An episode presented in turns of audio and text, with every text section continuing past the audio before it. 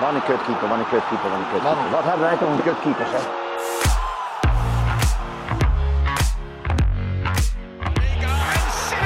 En the penalty. Ja! Van de Sar saved it. United again. Maar Drommel pakt hem en hij pakt op de rebound. André Onana. Onana. Welkom, keepers, bij de Showkeepers podcast. Ehm, de podcast over de belangrijkste positie in het veld, mogen we wel zeggen, van FC Afkikken. Mijn naam is Harm Zijnstra. Tegenover mij zit wederom Arjen Heerland. Yes. Eh, en vanaf de doel- doellijn praten we hierbij over de verschillende keeperskwesties. En dat doen we elke keer met een gast. En deze keer niemand minder dan ex-international, Sander Westerveld. Welkom, mooi dat je er bent. Dankjewel, leuk om hier te zijn. Mooi, mooi, mooi. Eh, ja, ik zeg ex-international. Misschien doe ik daar eh, nog zelfs nog wel tekort mee, want je hebt een behoorlijke carrière gehad. Zullen we die in eh, vogelvlucht eens even, even doornemen? Begonnen bij? Begonnen bij FC Twente. Nou ja, goed, ex-international. Ik ben nog steeds ex-international natuurlijk. Ja, ik speel nog bij de ex-international. dus, Zes, eh, zes interlands gespeeld. ja, in- ik ben denk ik de keepers, als we daar gelijk over beginnen. Ehm, eh, ik denk als jij Baldes en Reina hebt bij, bij Spanje. Eh, die zaten allemaal op de bank achter Casillas. Die Ik weet eh, waar je heen 20, gaat, 20 ja. jaar eerste keeper is geweest. Maar die hebben allemaal 30 aan interlands achter zich staan. Ik heb vijf jaar lang bij het Nederlands elftal gezeten. En tussen haakjes maar Ja, zes Achter interlands. Van der Sar, in, het- in het Ja. tijdperk van Sar. En alle oefenwedstrijden speelde. Die, die raakte nooit geblesseerd. En eh, ja, hij gaf me absoluut geen kans. Ja. Alleen ik heb altijd gezegd, ik, ja, ik zit liever achter Van der Sar op de bank. Eh, toch gezien als de beste keeper van de wereld, vind ik zelf ook op dat moment. eh, dan eh, ja, dat je samen, dat je jezelf een beetje gelijkwaardig aan iemand voelt. Want Ja. dat lijkt me heel moeilijk. Dus, In die zin was het duidelijk. hey, ik van heb gewoon eh pech gehad wat dat betreft. Ja, qua, Ja, qua ik kan me wel herinneren, van die zes interlands, je hebt wel gewoon EK in eigen land eh Ja, dat is gespeeld. Hoe ja, tof is dat? Zeker. Ja, ja, ja, precies. Ook, ja, nou goed. Ja, ik, ik wil het bijna niet zeggen, maar van die zes interlands heb ik eh, eentje was 10 minuten tegen Joegoslavië volgens mij. En de Ja, andere was 20 op minuten tegen, EK. tegen Denemarken. Wel een hele wedstrijd tegen Frankrijk. Ehm, en nog een halve wedstrijd tegen Turkije. En dan eh, nog een hele wedstrijd tegen Brazilië. Maar ja, goed. eh, ja, wel een EK gespeeld. Dus Ja. dat is, eh, Zeker. ja, helaas eh, een EK dat we hadden moeten winnen eigenlijk. Zo, dat, die ja. verhalen ga ik... Laatst kwam ik nog een quizvraagje tegen. Hoeveel goals heeft Van der Sar op dat toernooi Ja, tegengehouden? Ja, nul. Ik Ja, heb ze nul. allemaal... ja, ja. Ze vielen. Nou, zeker.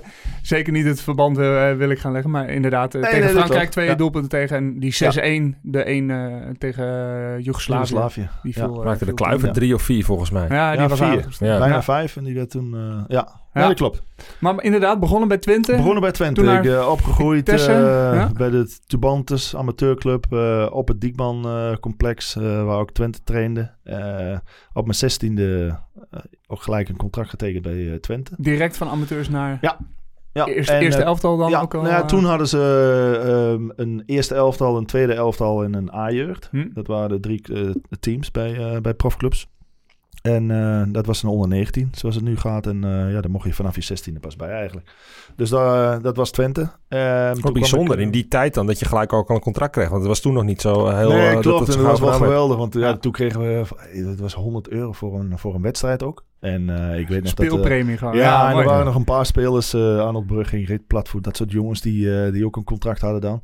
En dan was het echt van... eh je had in die tijd dat je Levi's eh 501. Ja, Dat was helemaal in. ja, met dat rode dingetje op je Ja, kontzak. ja, en die kostte 105 euro voor, of gulden toen. En, Moest je toch twee wedstrijden voor spelen Nee, dan? dat was één, één wedstrijd. Dus dan elke keer als we gewonnen hadden, dan liepen we het veld af en zeiden, je hebt een Levi's erbij. dus dat was, daar hebben we het het- toevallig het laatst nog over gehad. Nee, ja, mooie tijden. En ehm, nou ja, goed, ik speelde toen ook al in, het, eh, in, een, in de Nederlandse jeugd, eh, vanaf mijn veertiende. Ehm, ja, ik raakte, eh, of ik kwam bij het eerste op mijn achttiende toen Hans de Koning geblesseerd raakte in Ja. het voorseizoen tegen Barcelona. Die brak zijn heup. En vanaf dat moment ja, kreeg ik ook mijn eerste profcontract op mijn achttiende. Een jaar lang op de bank gezeten achter Boske. Toen viel ik in. Drie wedstrijden gespeeld in een één jaar. Dat jaar daarop, na een blessure van Boske, elf wedstrijden gespeeld. En toen was ik een van de eerste spelers die eh, van het Bosman-arrest eh, gebruik Ja. maakte. Toen kon ik naar Vitesse, waar ik eh, met Beenhakker, die bekend was bij mij, de kans kreeg om de eerste tien wedstrijden sowieso als eerste keeper te beginnen. En dat was voor mij een kans van, ja, ik zei tegen hem, ja, daar stond ik toen, misschien nou nog steeds onbekend om mijn zelfvertrouwen en misschien mijn arrogantie, maar toen zei ik van uh, tien, ik, ik, ik, heb één wedstrijd nodig en dan, uh, om te overtuigen. Dus als je me één wedstrijd geeft, dat is al genoeg. Maar ik ging naar Vitesse en uh, drie jaar gevoetbald en fantastische tijd gehad. En toen kwam Liverpool. Alles mijn, gespeeld ook zo'n beetje droom, inderdaad bij, ja. bij, bij Vitesse. Ja. Best wel, ja, Misschien in die tijd net wat anders, maar een behoorlijke transfer hoor. Van Vitesse naar, uh, naar Liverpool. Ja, nee, dat klopt. Ik was in die tijd uh, in Engeland ook de, de duurste transfer in de historie uh, voor een Even, keeper. Voor ons beeld, ja, de bedragen zijn nu gigantisch en heel anders. Maar wat, wat was het? Het was een gulden, was het 15 miljoen gulden. Dat is heel fijn ja, in die tijd. Ja, dus nou ja, goed. Zeker is... voor een keeper inderdaad. Ja. Volgens mij geeft het al uit. Nou ja, goed. Het was, gelukkig was dat na een half jaar. Volgens mij kwam Bartes, die ging er gelijk overheen. En dus dat, uh, dat stond er maar heel even. Maar het is wel een leuk, uh, leuk feitje. Dus, uh, Zeker. Ja, dus dat was ja, mijn droomclub. die kwam. Drie jaar, drie jaar Liverpool ook. Drie jaar Liverpool. Waarvan één extreem succesvol jaar volgens mij. Ja, ongelooflijk. Ik heb mooie tijden bij bijna elke club meegemaakt. Ehm, bij Vitesse dat wij uh, ja, met Karel Albers uh, een mannetje hadden die, uh, die, heel grote ambities had. Een mooi nieuw stadion neerzetten. En ja, we zijn in het laatste jaar zijn we volgens mij anderhalf jaar ongeslagen geweest. In het oude stadion en toen in het nieuwe stadion. En het is nog steeds volgens mij de hoogste positie die ooit is gehaald als, als derde. We zouden eigenlijk tweede moesten, moeten worden uitwedstrijden hadden we volgens mij één uitwedstrijd tegen Sparta hebben we gewonnen. De rest allemaal verloren gelijk. Maar om door die thuiswedstrijden werden we derde. Hm. En uh, ja, die mensen bij Vitesse hebben het nou nog steeds over dat ja, spektakelvoetbal, uh, geweldig Gaaf. elftal, Maglas, Europese topscorer. Oh, ja. ja. Dus ja, dat waren uh, mooie die tijd, ja, ja, inderdaad. Ja. Nou, en toen bij Liverpool, ja, wij kwamen, toen hadden ze niet eens Europees voetbal. En uh, ja, wat dat betreft heb ik uh, geluk gehad met, met clubs waar ik, waar ik binnen liep. En uh, echt niet door mezelf, maar we hebben acht nieuwe spelers kwamen er toen. Je zat wel altijd direct ook in een lift. Ik zat precies in een, op een moment waar, waar, waar, er iets gebeurde bij de club. En acht nieuwe spelers. En ja, het, het, eerste jaar, ze hadden problemen met de defensie. Het eerste jaar hadden ze Samu Hipia ook gehaald. En nou, dat was echt een gouden greep. En dat, die speelde zoals Van Dijk nu. Ja. En we, werden, ja, we hadden de minste aantal tegendoelpunten. Dus dat was in het eerste jaar. En het tweede jaar was het... Uh, ja, elke prijs was... Elke finale hebben we gewonnen. UEFA Cup, UEFA Super Cup, FA Cup, Charity Shield en League Cup. Allemaal binnen één kalenderjaar uh, ja. binnengesleept. Dat ja, wel... en het is wel mooi dat je dat... Uh, ik had laatst een interview uh, in de Legends Lounge in, bij, bij een wedstrijd van Liverpool. Daar mag je dan dus komen, hè, als je zo'n jaar achter, nou, ja, nou, goed, niet alleen als je dat... maar er komen ook ex-spelers sowieso wel. En hebben ze een speciale ruimte. En het was wel mooi, want toen zat ik... Ray Clemens was daar en, en, en Bruce Gobbelaar. Hm. En toen, uh, toen ja, tijdens dat interview, ik moest op het podium staan en toen ging het er ook over van mijn tijd bij Liverpool en hoe dat was. En toen zei ik ook van, ja, het is gewoon echt geweldig als je, de, bij je droomclub kunt spelen. Maar als je, kijk, als je de Champions League wint, ja, die hebben ze, daar hebben ze er al zes van gewonnen. Eh, de league, ja, 19 hebben ze al. Dus als je dat wint. Dus het was zo speciaal om uh, met, met, met, ja, met al die goede keepers, met al die prijzen, om dan toch uh, ja, als, als, ja? als keepertje ertussen te staan, om die ja, toch iets bereikt heeft wat er nooit is gebeurd. En uh, ja, het staat nog steeds uh, vijf prijzen in één kalenderjaar. Het is, ja, daar staan we nog steeds mee in de boeken, dus dat, daar ben ik heel trots op. Kunnen er weinig zeggen, denk ik. Dat denk ik ook. En als, we, als ik het zo even, nou, we hebben het er nu over Twente, Vitesse, Liverpool. Het lijkt ja. bijna logisch, zeg maar. Maar hoe was die stap? Was dat ja, was dat ook een gigantisch verschil? Of, of kon je vrij makkelijk nou, nou Ik moet eerlijk zeggen, um, um, en dat heb ik... Um, ja, nu, het, het, is, het is eigenlijk gewoon jammer dat je, en dat probeer ik nou ook met de jonge keepers, uh, als, ik, als ik jonge keepers spreek en mijn zoon die bij, uh, bij AZ speelt, om ja, die ervaring door te geven. Want uh, ja, op dat moment, wat ik al zeg, ik speelde op mijn veertiende bij de Nederlandse jeugd. En uh, ja, eigenlijk ging, ging alles uh, vanzelf tussen haakjes. Kijk, ik, ik, ik, werkte natuurlijk wel een slag in de ronde, maar ik, heb nog no ik, ik, kreeg nooit een tegenslag. Het ging allemaal goed en steeds beter. En het, het leek eigenlijk gewoon bijna normaal. Ja. En dan, uh, ja, het eerste jaar bij Liverpool was top. Daarna wonnen we al die prijzen. En als je dat ziet en als je erover nadenkt, ja, je ziet nu eigenlijk pas hoe bijzonder dat was. En op dat moment uh, denk je van, nou ja, uh, goed, het hoort er allemaal bij. En ik weet nog wel dat Phil Thompson, de assistent-trainer, die zei toen uh, bij de presentatie dat ik in het stadion was en de presentatie van, van mij bij... Hij zegt, ik heb nog nooit iemand gezien die zo cool hier zo'n contract tekent. Maar ja, ik probeer het echt zo normaal mogelijk te, te zeggen zonder ja. arrogantie. Maar het was gewoon, het ging elk jaar een stapje beter en het, ja, het leek ook normaal. Ja, precies. En toen, ik, ja, toen werd ik dus weggeschopt bij Liverpool. En vanaf dat moment in mijn carrière ben ik echt alles gaan eh, waarderen wat er toen ook eh, kwam. Toen, toen En, kwam je eh, dus tegen van, oké, het gaat een carrière. Nou, eerder met Kostas Lamproen natuurlijk ook wel besproken. Een carrière gehad dus met ups en downs. Ja. Want na Liverpool, nou, je zegt, ze schopte me weg. Je ging Ja. naar Real Sociedad. Ja. Primera Division, volgens mij ook een schitterende club. Ook drie jaar gespeeld. Ja, daar kwam ik ook. Daar stonden ze, de, stonden ze onderaan. En eh Tosjak, die, dat is ook wel zo'n mooi verhaal. Want ik moest bij Liverpool weg eigenlijk omdat ik een blunder maakte bij Bolton Hm? uit. En tijdens die wedstrijd zit eh, John Tosjak eh, op, de train, op de tribune. En op basis van die wedstrijd, omdat ik 88 minuten gewoon goed speelde, eh, heeft hij mij eh, gehaald bij Real Sociedad. Hadden een keeper nodig en eh, hij was overtuigd. Dat is wel een mooi Dus dan verhaal. je- ja, dan Ja. zie je wat, hoe, Dan is het hoe- bepaalde gemaakt. trainers Ja. over bepaalde acties. Ik weet nog dat Hoelier, en dat zei hij daarna ook tegen Dudek. Hij wilde gewoon een keeper die nooit een fout maakte. Hij ik kwam bij hem in zijn, zijn kamertje toen hij Dudek en Kirkland had gekocht. Nou, eh, wat is er aan de hand trainen? Hij zegt, ja, ik wil gewoon een keeper die nooit een fout maakt. Hij zegt, Ah, maar ja. welke fout heb ik gemaakt? Ja, Bolton, Chelsea een eigen doelpunt, eh, Middlesbrough. Eh, ja, ik zeg, en meer? Ja, nee, maar dat zijn te... Ik zeg, nou ja, goed. Ik heb Over, ze- over prijzen, 70 wedstrijden zo'n beetje, dan. 106. Of hon- 106, sorry. ja, Ja, in Engeland tellen ze de bekerwedstrijden Oh, en ja, Europa tuurlijk, Cup-wedstrijden ook allemaal bij. En ik ook. Maar ehm, ja, dit is, dit is toch echt eh, ongekend. En dat heeft Dudek daarna ook eh, ondervonden. Want die speelde een Ja. jaar goed. En toen maakte hij een paar blunders. En toen werd hij ook uit, eh Dan denk ik dat En- meneer Hoelier nu nog steeds op zoek is naar de keeper die nooit fouten maakt. Want volgens mij zijn wij de eerste die om te Nee, onderkennen dat dat gewoon... Nee, is precies. Je moet een Ja. beetje kijken naar de, de, de- de- Ja, nou goed, wat ik zeg. het, het eerste jaar minst gepasseerde verdediging. Dan die vijf prijzen. En ook be- ja, belangrijk geweest volgens mij in die, tijdens die prijzen. Ehm, ja, dan denk ik toch dat ik iets meer ja, vertrouwen had verdiend. En, Ja. eh, ik heb in ieder geval ook nooit... dat is mijn grootste makke en mijn grootste eh, punt geweest. Ook toen ik weg moest. Dat ik nooit de kans heb gekregen om terug te vechten. Ik werd gelijk eh, vierde keeper. En eh, niet eh, tweede Ah, ja. keeper. Waardoor ik misschien nog... alle waterreus eh. Misschien eh, Ja. ja, toch nog mijn, toch. mijn, mijn kansje op een of andere manier mijn, mijn plek terug kan, eh, kan Ja. winnen. En eh, ja, dat is nooit gebeurd. Maar Ja. Real Sociedad, die stonden onderaan. En eh, ook precies op dat moment weer in januari haalden ze ook Kovacevic van Juventus terug. En een Turk Nihat. Ja, en die werden... Nee, ja, die ken ik nog wel. Ja, Ja. Turkse speler. Die werd, eh, dat eh, jaar daarna hadden ze allebei eh, 26 en 24 goals. En eh, we, werden van, eh, we, we eindigden dertiende in dat jaar. En dat jaar daarop, eh, ja, tot aan de laatste dag eigenlijk, hebben we bovenaan gestaan. Hadden we nog steeds, zeg ik, dat kampioen moeten worden.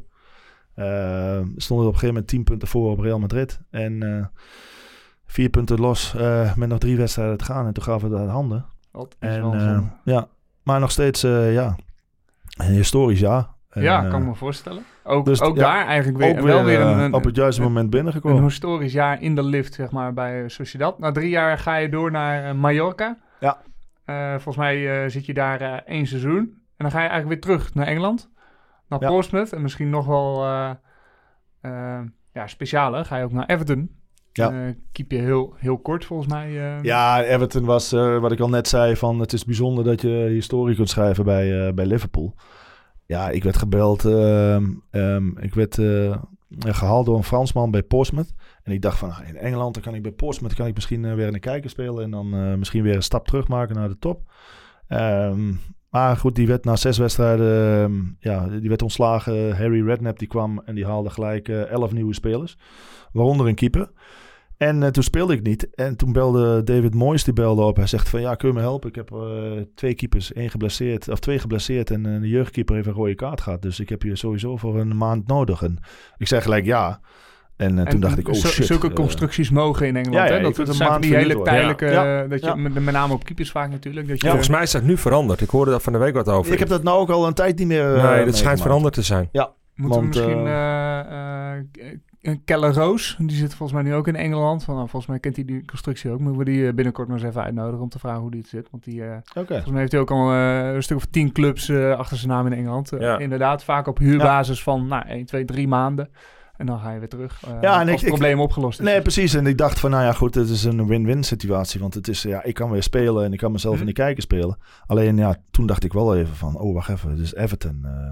Maar ja, het is ook heel dat grappig. ligt want, niet zo goed aan de rode nee, kant maar van al- eh, Het was van wel grappig, van al mijn vrienden in Liverpool, eh, toen ik daar speelde, waren allemaal Everton supporters. En eh, ja, het is wel... Ja, het is echt een rivalry, maar het is niet echt zoals Manchester United haat en nijten. Dus Ah, het ja. is iets meer nog respect voor elkaar.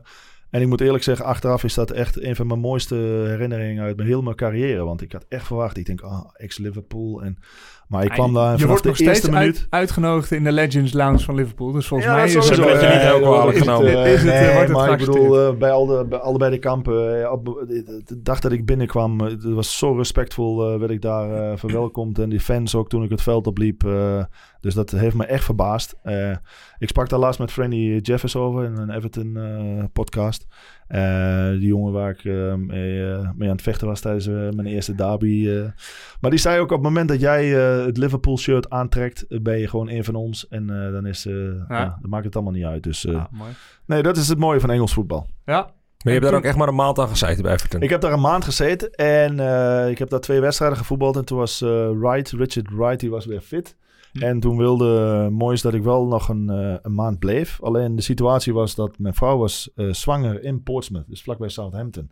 Ik trainde maandag, dinsdag eh, bij Portsmouth. Ik vloog dinsdagmiddag naar Everton, naar Liverpool. Ik zat daar in een hotel tot, tot zaterdag bij de wedstrijd. En ik vloog zondag weer terug. mooie constructie. Dus het was een beetje heen en weer. En toen dacht ik van ja, als ik, hij vond dat ik het goed had gedaan. En ook dat ik er nog een maand verdiende om daar te, te blijven. En ik had het echt reuze naar mijn zin. Alleen ja, het was gewoon een constructie. Dat was gewoon iets te moeilijk. eh, en Ja. wat ik zeg, mijn eh, zwangere vrouw met eh, nog twee kinderen. En, dus ja, dat, toen bleef het bij een maand. Ja, vervolgens naar Almeria gegaan. UD Almeria. Almeria, sorry. Ja. In de Segunda Division. Ja, ook best een verhaal. Ja, Op ja, een heel goed moment binnenkomen. eh. ja, Unai, gepromoveerd? Unai Emery, die was daar de trainer. Ja, ja, voor het eerst in de historie gepromoveerd naar de, naar de Premier League, naar de Primera Division. Ook geweldig, ja. ja. Mooi. Eh, daarna eigenlijk weer, eh, nou, kom je thuis in Nederland. eh, een jaar Sparta. Ja. Eh, en dan nou, stap je weer het vliegtuig en ga je naar Monza. Volgens mij eh, is dat niet de club ook van Seedorf geweest. Ja, ja, Staat me iets van mij dat Ja. hij daar aandelen in had. Ja, ik eh, was bij Almeria, eh, nou eigenlijk al bij Real Sociedad in mijn laatste jaar, in 2004, 5, eh, kwam de dochter, dokter erachter dat ik een gat in mijn kraakbeen had, in mijn knie. En eh, toen wilden ze me, in mijn laatste jaar wilden ze mij verkopen. En ik had een eh, contract getekend bij Atletico Madrid, die zocht een keeper. Ehm, alleen die president die vroeg eh, te veel geld. En eh nou ja, goed, dat, dat ging niet door. En toen zei ik dus tegen hem, nou dan blijf ik gewoon zitten en... ik kan toch nergens naartoe, want ik kom niet door de medische keuring. Toen heb ik op de laatste dag van de transfer deadline hebben ze me een beetje gepusht. En toen dacht ik van, nou ja, weet je wat, ze hadden die keeper van Mallorca gehaald, eh, Leo Franco. Ik denk, dan ga ik wel naar Mallorca en dan speel ik daar een jaartje. Dus daarom ben ik eigenlijk bij Real Sociedad weggegaan. Maar ook in die tijd, eh, ja, Portsmouth ook. Dat was eigenlijk ook een, eh, daar heb ik in de in, ja, pre-season in Frankrijk heb ik daar een contract getekend. Dus daar hebben ze foto's Ja. gemaakt van mijn rug en van mijn knie. Maar geen MRI. Eh, dus daar ja. gelukkig ja, ik voelde me fit en ik had ook eigenlijk nooit uh, miste ik een wedstrijd. Maar- Alleen eh, ik had een, ja, ik heb op mijn achttiende meniscusoperatie gehad en daar is dat kraakbeen Nooit last van gehad dan, zeg maar? Nou, ik, was, ik kon nooit 100% trainen. Op een gegeven moment, als ik tien keer over een horde sprong, dan Nee. had ik een dikke knie. Alleen ik heb nooit een wedstrijd gemist. En ik, kon ik, ja, ik, ik heb mezelf goed eh, behandeld altijd. En goed voor mezelf gezorgd. Ehm, ja, ja, goed. Het, het kwam pas echt aan het licht eh, na het jaar in Almeria ook. eh, Hm. Bij het tekenen van een nieuw contract. Eh, ja, medische keuring. Nou, dat ging niet door. Dus het moest, ja, het moest eigenlijk weg. Toen kwam... ehm, Utrecht, denk ik, misschien. Nee, de- ja, de- toen ben ik eerst bij Sparta geweest. Ja. Want toen dacht ik van, nou, nou ben ik klaar. Weet je wat, wat wil je nog met je carrière? Ik was volgens mij in de 30 ergens. Eh, toen wilde ik naar Japan. Ik zag Van Swam in Japan en geweldig allemaal. En volle stadions. Ik denk van, dat is mooi. Eh Waterreus die was toen een half jaar bij AZ geweest. En die ging daarna naar Amerika. Ja. Ja. Dus ik dacht van, nou, Amerika, Japan, dat lijkt mij ook wat. Toen eh raakte die opkomende landen ook. eh, ja, toen raakte Wapenaar bij Sparta geblesseerd. En ik wilde eigenlijk niet meer terug naar Nederland. Maar ik dacht van, nou, dat is perfect. Dan kan ik tot de winterstop bij Sparta spelen. En dan kan ik naar Japan. Eh, of naar Amerika. Nou, dat geluk wat ik, eh, wat ik in mijn carrière daarvoor heb gehad, eh, dat hield op. Want Japan had een nieuwe buitenlandersregel eh, Ah, met drie buitenlanders. En die haalden geen keepers meer. En in Amerika had ik alleen eh, ja, contact met Salt Lake City. Toen dacht ik van ja, dat, dat ga ik mijn Moet je je familie schaatsen niet, eh, meenemen. ja, daar ga ik mijn familie niet mee, eh, mee naartoe brengen. Wapenaar was nog niet helemaal fit, dus dan heb ik het jaar afgemaakt. Alleen toen, eh, ja, toen kwam daarna eh, ja, Utrecht. En eh, Utrecht, ehm, ik kwam het ook op, op, op teletext. eh, ik, ik kwam niet door de medische keuring op mijn knie. En toen viel alles weg eigenlijk. En toen, Dat staat niet lekker. Nee, Nee, toen was ik gestopt en toen belde Clarence op. Want die, eh, ik heb altijd contact gehad met Clarence, ook bij het Nederlands elftal. En hij kent mij goed. En eh, we zitten bij dezelfde fysio's. Dus hij wist hoe fysiek ik, eh, hoe, hoe- ja, dat ik bijna 100% wel was. Maar hij had die nieuwe club gekocht, Monza. En hij vroeg mij om, om daar te spelen totdat ik niet meer kon. En om de club te helpen om, om groot te worden. Dus daar zijn we twee jaar geweest. Ja, precies in de crisis in 2008. Dus hij had heel veel financiële problemen met sponsors. Dus dat liep ook Ja. niet. Eh, ja, na twee jaar weer gestopt. En onderweg naar huis werd ik gebeld uit eh, Zuid-Afrika. Dus Toch wel een soort van verlenging van, Ja, eh, van je carrière. ik was al twee keer gestopt. en Twee jaar toen, Monza, twee ja, jaar ja, Maarten. Stekelenburg, Ja. de trainer, die belde. En die zei van, wil je naar Kaapstad? Ik zeg, ja, maar dit- ik ga niet met vier kinderen voor één jaar. Dus toen heb ik een twee jaar contract getekend. En na die twee jaar zochten we nog een excuus om te blijven. Want het, ja, dat is zo Goed naar onze zin. daar. Toen eh, ben ik nog twee jaar eh, keeperstrainer geweest. Dus eh, toen was het helemaal eh, Toen klaar. was het Toen echt was het wel echt, eh, eh, klaar wat, ja. wat spelen betreft. Helaas wel, want ik, ik ben er toevallig nog nagevraagd. Hoe over oud de was je toen? fysieke... 6, 7, 38? Nee, nee, 39, 38, 39. Alleen, eh, ja, als ik echt het, dat, het knieverhaal niet had gehad, dan, eh, ik wilde bijna zeggen, dan speel ik nu nog. Dan had Fortuna Want, je nu nog even kunnen bellen. Ja, serieus. ja, nee, want ik, ik, ja, ik vond het echt, eh, ik heb het ook echt heel moeilijk gehad om eh, steeds een niveautje lager te moeten gaan spelen. Ja. Want ik, in je hoofd voel je je gewoon zo fit. En je wedstrijden, sommige, sommige wedstrijden speel je goed. Alleen als je niet 100% kunt trainen, dan ben je ook niet zo constant in wedstrijden. En ja, dan kun je niet meer op het, eh, op het hoogste niveau, op de top, eh, bij de top spelen. En dan, En, eh, hoe Maar is dat maakt dan? zoiets dan, sorry, Ja, maar maakt zoiets dan niet heel veel goed als je bijvoorbeeld met je gezinnetje lekker in Zuid-Afrika, dan Ja. bent het niveau is natuurlijk iets lager dan dat je gewend bent, nee, maar, maar dat klopt. dat moet jij dan met twee vingers in je neus Nee, maar dat hebben, we- daarom wilden wij in principe ook naar de MLS of naar Japan. Daar heb ik ook gezegd van, nou, ik kan niet meer naar de, aan de top voetballen. Wat toch het mooiste is. En eigenlijk, met alle respect, ik wilde niet eh, naar een club die, eh, die voor degradatie voetbalde in Nederland. Of een middenmotor in Nederland. Eh, ik wilde echt voor het avontuur gaan. En eh, ja, dat ging toen helaas niet door. Alleen toen Clarence kwam, toen dacht ik van, ja, ik kom net uit Spanje. Die kids die praten Spaans. We hebben in Engeland gewoond. En, dus ik moest het bij mijn vrouw heel... eh, dat moet je dan ook mee geluk mee hebben met, de- met de familie. Ja, Dus eh, mijn eerste vraag, ja, Clarence heeft gebeld. eh, oh, zit hij nou? Ja, Milaan. eh, of, ik, eh, of ik naar Milaan eh, wil. eh. oh, daar zijn we nog niet geweest, zei ze. Dus Ja, dat is top, Je kunt, ja. ook, eh, je kunt ook familie hebben die zegt van... ja, ik ga niet met de Spaans sprekende kinderen weer naar Italië... en dan voor die kids. En ik heb, toevallig heb ik toen ook een kinderpsycholoog eh, gesproken. Die zei, ja, tot, eh, tot een veertiende kun je elk jaar bijna gaan veranderen met kinderen. Die, eh, die passen zich heel snel aan. En, dus ja, dat, dat was wel mooi. En daarna ook hebben we ook gezegd van... we gaan alleen maar ja, mooie dingen doen. En eh, ja, de Kaapstad, dat paste er perfect in natuurlijk. ja, snap Ja, ik. gaaf. Hoe was dan die overstap? Je zei van, nou, ik vond het best nog wel lastig om van een bepaald niveau eigenlijk steeds een stapje terug te doen, zeg maar. Maar ja, ik speelde nog wel. Hoe was het dan die overstap van eh, keepers naar keepers trainer, zeg maar? Hoe, ja, hoe, Nou ja, hoe ervaarde je dat? Ik, ik vond allereerst vond ik eh, voor de Kaapstad al moeilijk qua niveau. Want ik ben, ja, dit, het was een land die in 2010 het WK had ge- georganiseerd. En Ja. ik dacht van, ja, het voetbal, voetbal heeft daar echt een lift gekregen. Alleen het voetbal bleek gewoon nog steeds, ja, rugby en cricket is daar nummer één. En dan komt voetbal. En het was een hele aparte mentaliteit van die jongens. Die hadden zoveel talent. Alleen ja, je zei tegen de rechtsback, eh, als hij aan de buitenkant stond te dekken, dan zei je dat hij aan de binnenkant moest dekken. En dat deed hij dan eh, drie keer niet. En dan drie keer zei het aardig. En bij de vierde keer begon je te schelden van... is dat de vierde keer dat hij het doet. En ik krijg vier keer een doelpunt tegen. En dan zeg ik, wat zit je nou te schreeuwen tegen mij? En het is maar een training. En ik zeg, je staat met 5-0 achter op de training. Ja, maar het is maar een training. En dan deed hij het dan het weekend in die, in die wedstrijd ook.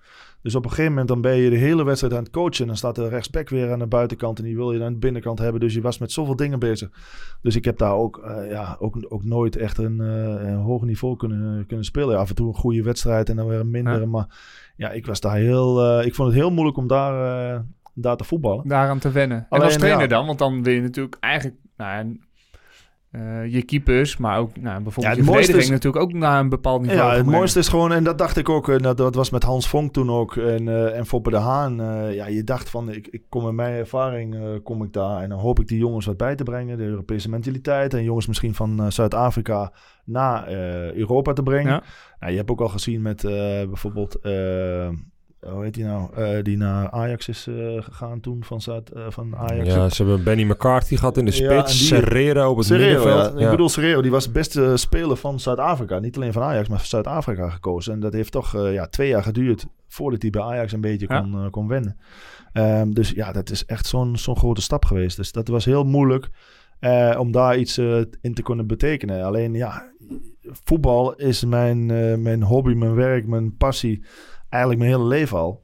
Niet alleen die 20 jaar dat ik prof ben geweest, maar eigenlijk mijn hele leven staat vanaf eh, dat ik in de box lag eh, met een balletje. Hm. Alleen het teken en voetbal. Ja, en als je dan moet stoppen, dan is het toch wel zoiets van ja, het, het, het mooiste is voetbal. Alleen het kan, het kan niet meer. Ja, en dan is eigenlijk eh, is, is trainer zijn is net dat ene stapje ernaast. Dus dan sta je nog op het veld. Je hebt nog ja, die, die spanning rond die wedstrijden. Je, je gaat ergens naartoe, naar een wedstrijd toe. Je, je, bent op het veld. eh, je schiet nog steeds ballen. Je kunt af en toe een beetje meedoen. Het komt er En- dichtstbij in de ja, buurt. het komt er eh, dichtst bij, bij, bij het keeper in de buurt. En dus dat is eigenlijk wel het mooiste. En dus die twee jaar als keeperstrainer heeft me wel eh, ja, heel veel plezier gebracht. Ja. Momenteel ben je ook eh keeperstrainer. Niet Ja. eh, vast bij een club zoals, zoals je dat in eh, Zuid-Afrika was, maar Nee. bij, eh, bij de KNVB. Bij eh, het Nederlands team onder 17. Klopt. Eh, Ja, we hebben elkaar eerder niet gesproken, maar we zijn gewoon collega's. ja, jullie zijn gewoon eh, Zeker. zelfde, zelfde werkgever inderdaad. Eh, ja, dat is natuurlijk, dat lijkt mij heel anders dan natuurlijk bij een club. Hoe eh, ziet, nou ja, buiten dit jaar ongeveer een, een jaar eruit voor jou als keeperstrainer bij, eh, bij Oranje? Ja, ik, ik, ik, ik heb toen ook gezegd van... eh, ja, we waren al een tijdje bezig met, eh, met, met, met ja, topsport. En dan genieten van het, van het leven eigenlijk. Nogmaals, met, met, met vier kinderen. Dus wat dat betreft eh, met Waarvan eh, trouwens nog even tussendoor. Sam, jouw oudste, oudste zoon, denk ik. Oudste zoon, ja. Eh, keeper is hè, bij, bij Jong AZ. Ja. Onlangs eh, ook zijn debuut gemaakt. Dus Ja. wellicht eh, zien we over een aantal jaar Ja, een nieuwe wel, ja. Westerveld. eh. Ja, hopelijk wel. Het zal mooi zijn, want eh Op de ja, hij heeft echt eh, in zich. Maar ja, nee, natuurlijk. Dus dat wil je natuurlijk meemaken. En eh, dan is het heel makkelijk om een stap te maken als eh, ja, van voetbal naar, naar, naar trainerschap. Alleen ik had wel het gevoel van, ja, ik ben 20 jaar, heb ik eh, met alle mooie dingen die erbij zitten, ja, het enige, of ja, misschien het enige nadeel is dat ja, je toch het een en ander mist van, eh, van je familie. En Hm. ja, nooit de weekendjes vrij, skivakanties, eh vakantietjes wanneer je wil. Dus ja, ehm, met al, ja, ik zeg ook altijd, ik heb al alleen maar luxe problemen gehad. En dat heb ik nog steeds. Dus eh, ik, probeer echt niet te klagen. Maar dus dat wilde ik graag meemaken. Ik wil ook een keer op skivakantie met mijn familie. En ehm, ja, dat kan niet als je, als je trainer bent bij een club. Helemaal nu niet meer. Ehm, ik weet in mijn tijd, dan, dan ja, er was het één training. En dan ging je om één uur weer naar huis. Met Tosjak Ja. was het heel vaak, eh dan begon hij al te schelden op de training van, eh, nou kom schiet even op, want ik heb om één uur is het tea time. Eh, hij zegt, dan moet ik afslaan op uh, hol 1. eh, dus die ging dan golfen. Ehm, dat is nu natuurlijk helemaal Ja, veranderd. Nou is de topsport is helemaal veranderd. het is ja. echt gewoon eh 9 tot 5 eh, job eigenlijk. eh.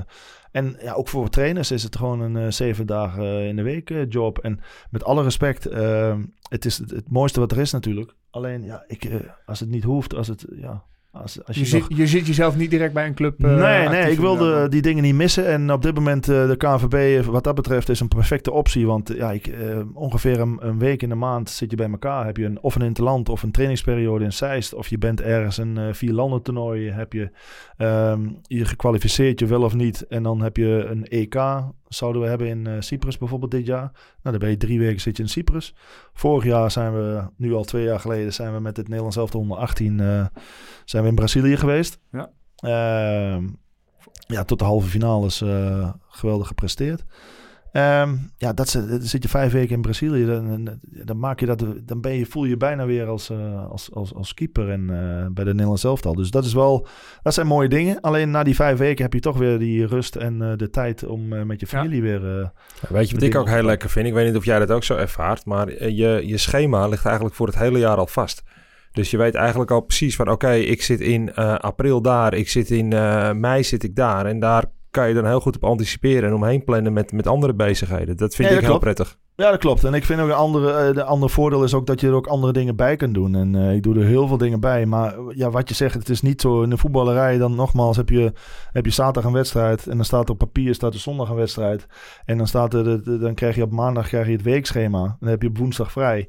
Nou, dan denk je van, oké, met de familie, dan gaan we even dit en dit doen. En dan is het dinsdagmiddag van, ja jongens, ik was niet tevreden op de training vandaag. eh, morgen allemaal, morgenochtend weer en dan morgenmiddag dan. de- nee, ja, Dus ja, wat ik Je zeg. levert je over aan de, aan de Het- grillen van een is- hoofdtrainer en het aan- is, aan het eh, wat dat betreft, een, ja, eh, ja, goed, dat is het leven van een voetballer en daar hoef je niet Zeker. over te klagen. Maar na de tijd is het geweldig als je dan toch nog op het veld kunt staan.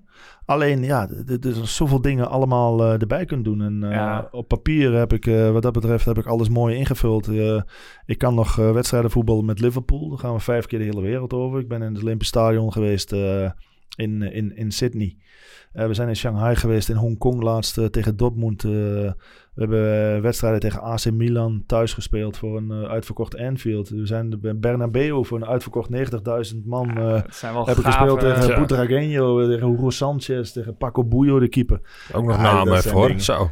Ik heb een paar keer in Bernabeu gespeeld. Ik heb er nog nooit verloren met Real Sociedad. Dat is ook mooi. Maar ik heb nog nooit wat van het stadion gezien. Want ik zat echt in een tunnelvisie. Ik kwam Ja. het veld op en je was bezig met die wedstrijd. En ik weet nog dat ik nu eh, met die Legends op het veld stond. En ik zat echt helemaal rond te kijken in het stadion. En ik zat in één keer naar Butragueño bij en kon... ik, ik raakte hem bijna aan. Zo van, eh, ik, ik had die dag daarvoor met hem ge- gegeten. Met al die spelers bij elkaar. En het is een hele andere sfeer. Je, je eet met elkaar met het team. Eigenlijk is dat nog het mooie van op het veld staan. Alleen zonder Alles. de druk en de focus. Alles, die, het, eh, al ja. het mooie zonder de druk van het presteren. en het is echt gewoon, eh, het is echt eh, geweldig om er mee te maken. En eh, nou ja, goed, ik geef commentaar bij wedstrijden voor een, eh, voor een televisiezender in, eh, in, in, het, in Azië, in Maleisië. Dus dan vlieg ik naar Maleisië in de studio of ik zit op het veld in, eh, in Engeland voor Ah, ja. wedstrijden van Liverpool. Eh, nou ja, als oud voetballer bij Liverpool word je ook nog uitgenodigd bij wedstrijden. Een stuk of eh, bijna tien keer per jaar bij een wedstrijd. Dan moet je met sponsors en eh sponsorhomes. En, eh, ehm, ik ben in Ghana geweest voor Liverpool om clinics te geven, meet and greets. En eh, ex-international spelen we nog wedstrijden. Moskou, zaalvoetbal, Ja. eh Arosa, wat jij wel kent. eh, Jazeker. Ja. ja. ja, dat zijn geweldige dingen. Vorig jaar, eh, ik heb nog foto's aan Arosa ook. we speelden in de finale tegen de All-Stars. Dus eigenlijk zijn wij wereldkampioen geworden. Want de All-Stars is natuurlijk geen land. Nee. Dat was het wereldkampioenschap ijsvoetbal op kunstgras. eh, Bovenop een berg. Maar dan speelden we tegen eh, Mario Kempis. De, Ja. de, de grote Mario Kempis. Nou, dan loopt dan een Mendieta. WK, en, eh, eh, Kourani denk ik dat zeker. ja, deed. Kourani is altijd bij natuurlijk. Ja. Dus, eh, ja. Ja, die hoort bij het meubilair zo Ja, precies. Maar dan lopen de namen en dan zie je Zola en, en, en ja, wat ik zeg. Hoe, Het zijn gewoon snoepreisjes. eh, Ja, in precies. is, eh, en wat ik zeg, kijk, eh, je, je bent overal geweest. En ik zeg altijd, ik ben overal in de hele wereld geweest, maar ik heb nooit wat gezien. Eh, je speelt de Europa Cup wedstrijd Ja. in Rome met Liverpool. Maar ik heb het hotel gezien en het trainingsveld en het stadion. En dan Ja. ben je weer weg. Maar nu eh, spelen we een wedstrijd in Hongkong. Eh, op zaterdag, dan kom je op donderdag aan. Dan speel je een golfwedstrijd op een van de mooiste banen van de wereld. En op vrijdag dan heb je een meet and greet met fans. En dan heb je op zaterdag ga je uit eten met het team. We spelen tegen Dortmund. En ja, dan ga je maandag pas weer naar huis. En dan is echt een grote Ja. mooie trip geweest. Helaas heb ik het Dus nooit ik tot, me wel, tot, eh. eh, ja, Ja. dat geloof ik ook. Helaas heb ik me nooit tot international eh, geschopt. Maar eh, ik herken wel een beetje, ik ben nu 2,5 jaar gestopt, maar inderdaad de vrijheid in de weekenden en het, het plannen van je eigen agenda. Eh, nou, die vrijheid herken ik wel, want dat is eh, ja, helemaal geen straf. Maar je hebt wel natuurlijk, eh nou, pakken wij 20 jaar in zo'n, nou, eh, noem het even regime, dat is het niet. Maar in zo'n structuur Ja. gezeten natuurlijk. Ja, normaal hoe je zelf bent. Ik, ik, ik heb mezelf altijd, dat zei ik nou nog steeds, ik, ik, ik heb altijd 24 uur eigenlijk geleefd als een voetballer. En eh, dan kwam ik thuis en dan was het van, ja, we gaan even daar naar daar. En dan zat ik altijd te denken van, oké, dan ga ik nou boodschappen doen. Of in een winkelcentrum. En dan moet ik zorgen dat ik niet langer dan een uur ga wandelen. Want dan krijg ik zomaar ja. binnen en dan morgen weer. Oké, wat eten we nou? Ja, dan moet ik nog wel, dit moet ik eten. Ik was met die wedstrijd bezig. Een wedstrijd op televisie. Je bent de hele tijd met voetbal bezig. Ja. Altijd. Dus dat is wel lastig. En dat is heel zwaar eigenlijk. En eh, daarom zie je ook dat... Ja, goed, het is niet voor iedereen weggelegd natuurlijk. Anders was het wel heel makkelijk geweest. Maar Ja, het is niet alleen talent en een wedstrijdjes voetballen, maar het- nee, inderdaad, er komt je iets meer er bij kijken. 24/7. Dus, eh, Ja, ik- dat, maar ik vind met name ook je omschakeling daarin best wel knap. Want er zijn er een heleboel die dat gewoon niet kunnen. Die hebben inderdaad in een soort tunnelvisie geleefd. En die komen daaruit vandaan. En die weten eigenlijk totaal niet wat ze moeten En doen. Maar ook niet daardoor- hoe ze zich moeten gedragen. En dan gaat het vaak mis. Ja, of daardoor juist in, dat, in hetzelfde structuur blijven als, als Ja, trainer. ja, Omdat maar dat is- nou, dat is- dat wat, ze- lastig. Wat, wat, wat men kent of, Ja. of kan misschien. Nee, maar het is heel grappig, want eh, ja, mevrouw die, nou ja, ze- ze lacht er niet meer om, maar ja, je, bent twintig jaar zit je dan eh, bij je bezig. Dat eigenlijk alles wat je al zegt eh, bij de KNVB is dan een, jaar lang, maar bij een, bij, bij een club is het echt dagelijks, wordt alles voor je klaargelegd en wordt alles voor je bepaald. Ja. Je komt op de club en je zegt letterlijk, wat gaan we doen vandaag? Ja. En als je dan stopt met voetbal, Moet en je zelf dan eh, pak je je koffertje in en dan ga je naar het vliegveld. En dan zit je rond bij het vliegveld zit je gewoon je vrouw aan te kijken. En dan zit je van, Normaal stap ik uit de bus en dan, eh, iemand, dan pak ik mijn koffertje en iemand geeft mij mijn ticket. en die zegt, je moet daar naartoe. En je Ja. moet daar in een vliegtuig. En dan stap je van het vliegtuig direct in de bus. Die gaat naar het hotel. En die geeft jou de sleutel van, je hebt 102 en morgen om 8 uur ontbijt. En nu in één keer van, wa- wa- waar moeten we naartoe? En, en dat is niet alleen dat, maar alles in je hele leven. En eh, nu ook, het zit, kijk, het, het lijkt heel veel wat ik doe. En ik, ik, ik doe allemaal leuke dingen. Ik ben de KNVB ook World Coaches eh, ben ik bij Mhm. betrokken. Met oud-voetballers zoals eh Regie Blinker, eh, Van Hooijdonk, Anouk Hogendijk. Gaan we de hele wereld over. Die geven cursussen. En dan komen wij vijf dagen en dan geven clinics en media. eh, ehm, ja, en, en dat soort dingen. Wat ik zeg, commentaar bij wedstrijden. En allemaal leuke dingen. Alleen, ja, er zitten ook dagen bij dat ik helemaal niks doe. En dan zit je wel eens thuis en denk van ja, ik, ik heb eigenlijk, wat heb ik, ik heb eigenlijk helemaal niks te doen nou. Dus Ook wel dan- eens lekker, maar... nou ja, nee. precies. Maar helemaal nu tijdens de corona bijvoorbeeld, dan, dan kan ik begrijpen dat die oud-voetballers... eh, ik ben ook met de trainerscursus begonnen. Eh, ook omdat het moet bij de KNVB natuurlijk. Maar Hm. ja, maar meer ook om... eh, ja, je, je zit toch in die voetballerij. En je, dat is toch eigenlijk wat je twintig jaar, misschien je hele lange, eh, leven lang gedaan hebt. En ja, dan wil je dan misschien ook wel wat teruggeven. En daarom zie je ook zoveel voetballers die dan trainers worden. Omdat het, ten eerste Ja. is het heel makkelijk voor hun om die stap te maken. En ja, ga maar iets anders doen. Ja, stap maar Ja. even een ander leven Ja, in- je marketingdirecteur of marketing eh, in een- bij een of andere wasmachinefabriek. eh, ja, dat, dat wordt je ook niet zo eh, makkelijk. Of... Nee. Nee, dus het is, eh, het is, ik Nee, begrijp en dan best moet dat je het ook nog een hele is, andere structuur komt daar natuurlijk dan ook bij kijken. Ja. En ze weten van, joh, als ik trainer word of keeperstrainer en ik doe dat bij een club, dan gaat het in grote lijnen hetzelfde als ik mijn leven lang gedaan heb. Ja, precies. Hey, ja, je- je- Ja, dat is makkelijk. Dan, Ja. dan eh, liggen de vliegtickets en, eh en Ja, hotelsleutels nee, weer voor je alles, klaar. maar Dus dat, eh, allemaal kleine dingetjes. Ook gewoon, ik, ik ben met iemand aan het praten die ik niet ken. Met mijn vrouw komen dan met mensen ergens bij nieuwe vrienden bijvoorbeeld. En dan zitten we in de auto na de tijd. En dan zegt mijn vrouw van, ja, wat, je hebt urenlang met die kerel gesproken. Van, wat doet hij? Ik zeg, oh, dat weet ik eigenlijk helemaal niet. Oh, heb je het weer alleen maar over jezelf? Ja, maar dat, dat, dat ging gewoon. Want altijd ben je, je bent gewend dat het, je komt Mm. ergens binnen en het gaat gelijk altijd over voetbal. En het gaat altijd over jou. En dat je helemaal niet gewend bent om eh, te vragen van, ja, maar wat doe jij eigenlijk? Dus ja. dat soort dingen, dat Maar moet je ook allemaal leren. Dus dat is heel Ja, grappig nou, dat je daar, dan denk je nooit bij na. Maar Op een gegeven moment was ik daar wel soms wel een beetje zat van. Eh, dat het dan alleen maar over eh, mij als voetballer ook ging. Ik denk van ja, oké, Ja. eh, ik ben keeper, ik ben voetballer. Klopt, hartstikke leuk. Maar kunnen we het ook nog ergens anders over hebben? ik ben, Want, eh, eh, ik ben jarenlang plumber in Engeland geweest. En ja, hetzelfde in Spanje, want mijn vrouw die studeerde dan. En dan kwam ik ergens, eh was ik uitgenodigd bij, eh, bij studenten, vrienden van, mijn van mijn vrouw. En dan kom ik binnen en dan... eh, oh ja, dit is, eh, dit is je vriend toen, of je man. Ja, ja, ja. oh ja, jij bent loodgieter hè? ja.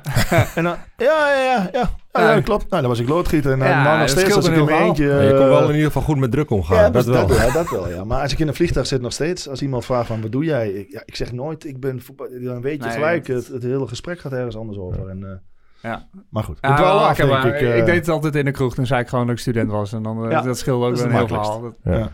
Bij, en je, bij jou geloven ze dat ook wel, denk ik. Oh, vast. Oh, vast. Dat, eh nou ja, dat- dat- inderdaad. Ik herken wel wat je zegt. Eh, maar zo te horen, het leven na het voetbal eh, bevalt je goed tot op heden. En eh, met ja, voor leuke de corona was het en, allemaal mooi. Alleen ja, alles wat ik deed was een beetje voetbal gerelateerd. En zelfs investeren in een bedrijf, Metrica heet dat. Het doet ook ja, een analysesysteem voor voetbal. Ook weer in de voetbal. Dus alles wat ik doe eigenlijk heeft te maken met voetbal. En dat ligt nu, nu stop. Ja, nou, dat, dat is inderdaad even de corona-periode. Ja. periode. Ik ben wel even nieuwsgierig. Ik, ik las een quote van jou en ik vond hem wel interessant. Die zei van ja, toen je aangesteld werd volgens mij eh, bij eh, Oranje onder 17. eh, ik, ik vind mezelf nu nog geen goede keeperstrainer. Ik, eh, ik deed zelf alles op talent. En ik zou ze eigenlijk bij God niet eh, weten hoe ik ze moet uitleggen hoe ze nou een bal goed trappen of een bal goed vangen. Want ja, het ging bij mij eigenlijk automatisch. Ja, dat klopt. En eh, daarom vind ik het ook zo mooi dat ik nou bij de KNVB denk ik eh, ja, dit kan doen. Omdat het een hele andere vorm van keeperstrainer is. Hm. En ehm, ja, je komt daar toch en je hebt dan, wat ik zeg, een paar dagen de tijd om eh, met die keepers te werken. En je bent meer met die wedstrijd bezig. Je bent aan het voorbereiden op de wedstrijd. Je doet eigenlijk, je hebt eigenlijk, er zit vaak ook geen keeperstraining tussen. Het is meer warming up en dan ja, het is meer analyseren, voorbereiden en Ja. Ja. corners en vrije trappen. Wat doet de tegenstander? Eh, en dan eh, een beetje positioneel en mijn ervaring meegeven. Eh, ja, dat kunnen hele kleine dingetjes zijn. van, Ja, dan wordt er een keeper tijdens de training, die, een hoge bal, die zegt los. En, en een spits die, die, die loopt hem boven en hij heeft overal last van. Ja, dat ik dan zeg van ja, vroeger, ik stond erom bekend, dat is vooral bij de eerste bal. Ja, dat ik soms onder de bal doorliep tegen die spits aan. Maar dat, we echt, echt gewoon, dat ik gewoon expres tegen die spits aan sprong. Want dan dat hij het geen tweede keer meer deed en dat soort dingen. Dat, ja, dat zie je toch. eh, want dan krijgen ze gelijk respect voor je. En dat soort kleine dingetjes en Ja. staan en uitgangspositie. En dat kan ik een jonge jongen wel leren, denk ik. Alleen je hebt sowieso de tijd niet om iemand technisch eh, beter te maken. En ja, ik had vroeger een talent. En ik trainde heel hard. En een keeperstrainer kon mij eh, dingen aanleren. Alleen, ja, ik kon het niet navertellen hoe ik het deed. Ja. Het ging allemaal op gevoel. En ja, je kon niet eens... eh, soms vroegen ze met welk been zet je af bij een cornerbal. En dan denk ik, van, ja, normaal gesproken zou je toch zeggen van ja, van links met de linkerbeen. Of, maar ik kon het niet eens navertellen. Ik wist niet wat ik deed. Dus ik kon het ook niet iemand eh, aanleren, vond ik. Ja, dat- bijzonder. Ik, ik herken Ja. het wel een beetje, maar het is wel bijzonder.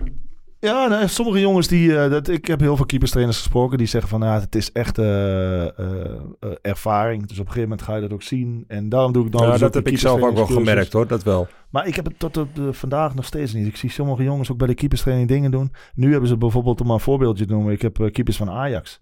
En ehm, dan hebben ze een test gedaan met Onana. En die, die, die, die springt uit de wijdstand, eh, springt die eh, het, Ja. links en rechts naar de kruising.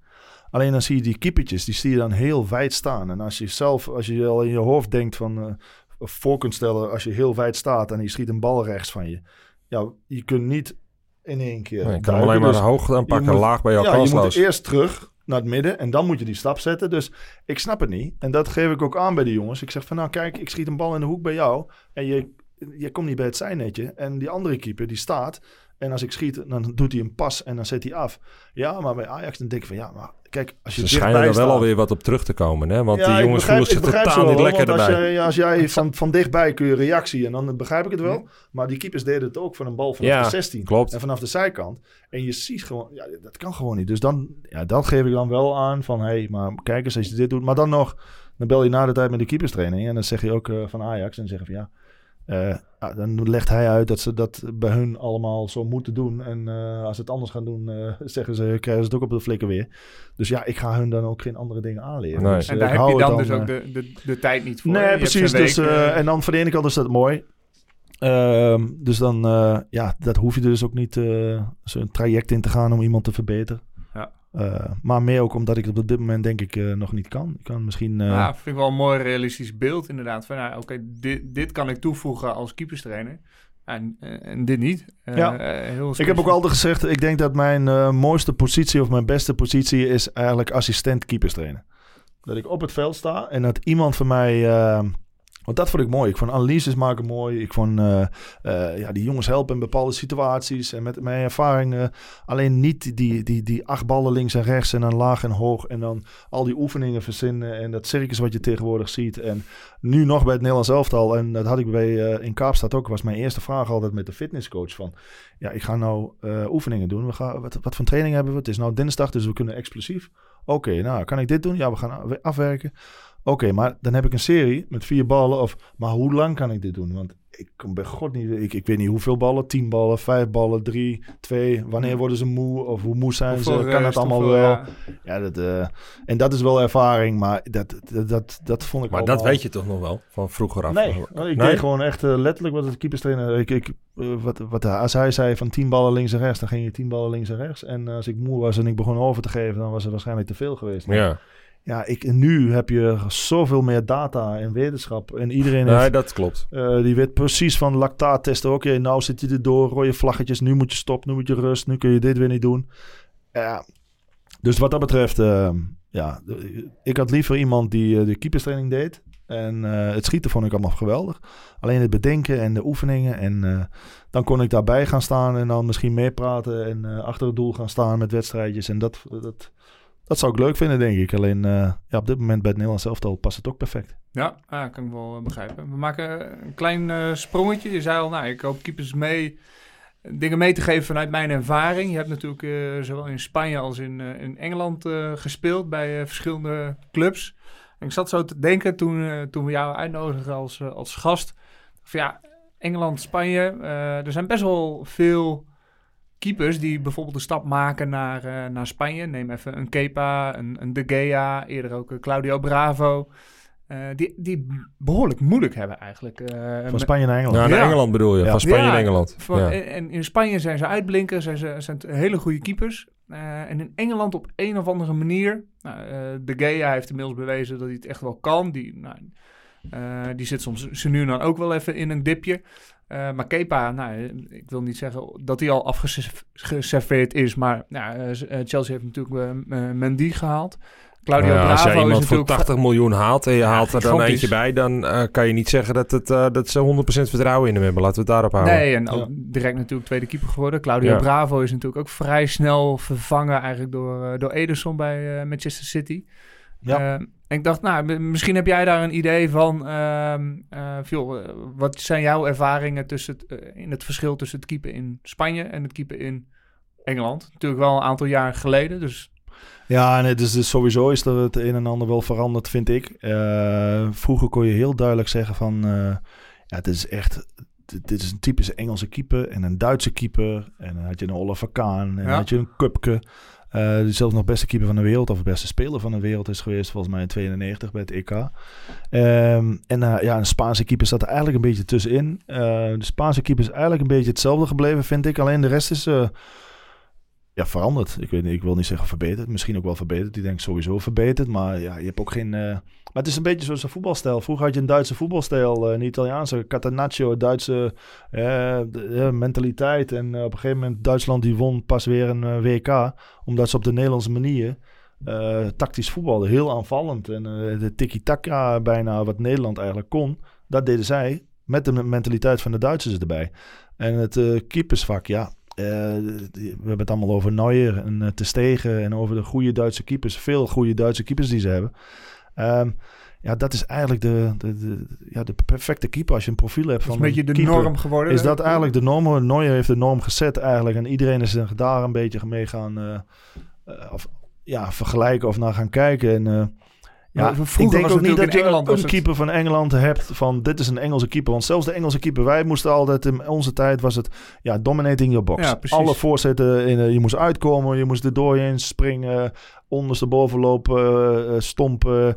En dat was het. Als je, als je maar kwam. Dat was, Als je maar eh, kwam, op elke bal. Ja. eh, ja. En eh, nu zie je zelfs de Engelse keepers die dat niet meer doen. Nee. Nu heb je, nou ja, Allison, eh, die doet het nog wel eens. Die komt wel eens veel ja, maar een. Pickford of een Henderson. Zelfs of, eh, Pickford de beste keeper van, eh, van, van, van Engeland eigenlijk, eh, vinden ze zelf.